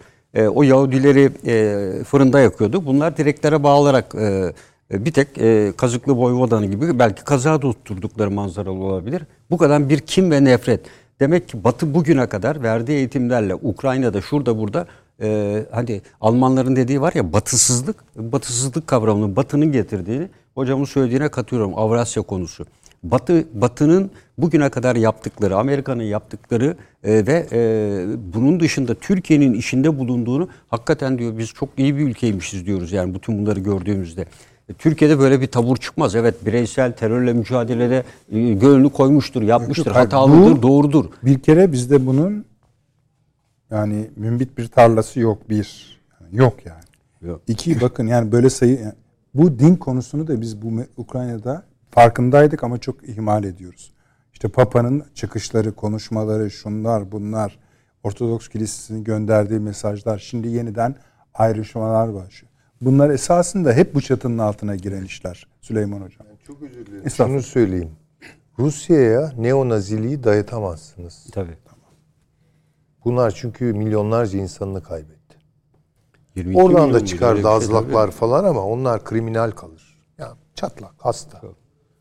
Jirinovski miydi? Onun e, o da farklı Peki, bir ekip. Yani ama onu değil o. şey mahallenin delisi gibi kullanırlar yani. Hayata geçmez çünkü çok farklı e, milletler yaşıyor. Bir kez o girerse için içine Rusya mahvolur. Tabii, tabii. Ama bizim karşımızda bakın e, gerek bizim karşımıza İslam düşmanlığı, Türk düşmanlığı üzerinden Rusların karşısına da Rus düşmanlığı ve Nazizm üzerinden aynı şekilde gelecek bu Avrupa'daki unsurlar. Onunla bitirelim. Süremizi açtık. Avni Bey çok teşekkür ediyorum. Ben Sağ de olun. teşekkür ederim. Süleyman Hocam ağzınıza Eyvallah, sağ olun. olunuz. Paşam yine yolda. Teşekkürler. Artık kusura bakmayın. Hakkınızı helal edin. Efendim Perşembe akşam yine huzurlarınızda olacağız inşallah. Yarın mümkün olan en erken saatte YouTube'da yüklenmiş olacak. Tabii ki oradan da izleyebilirsiniz. İyi geceler diliyoruz.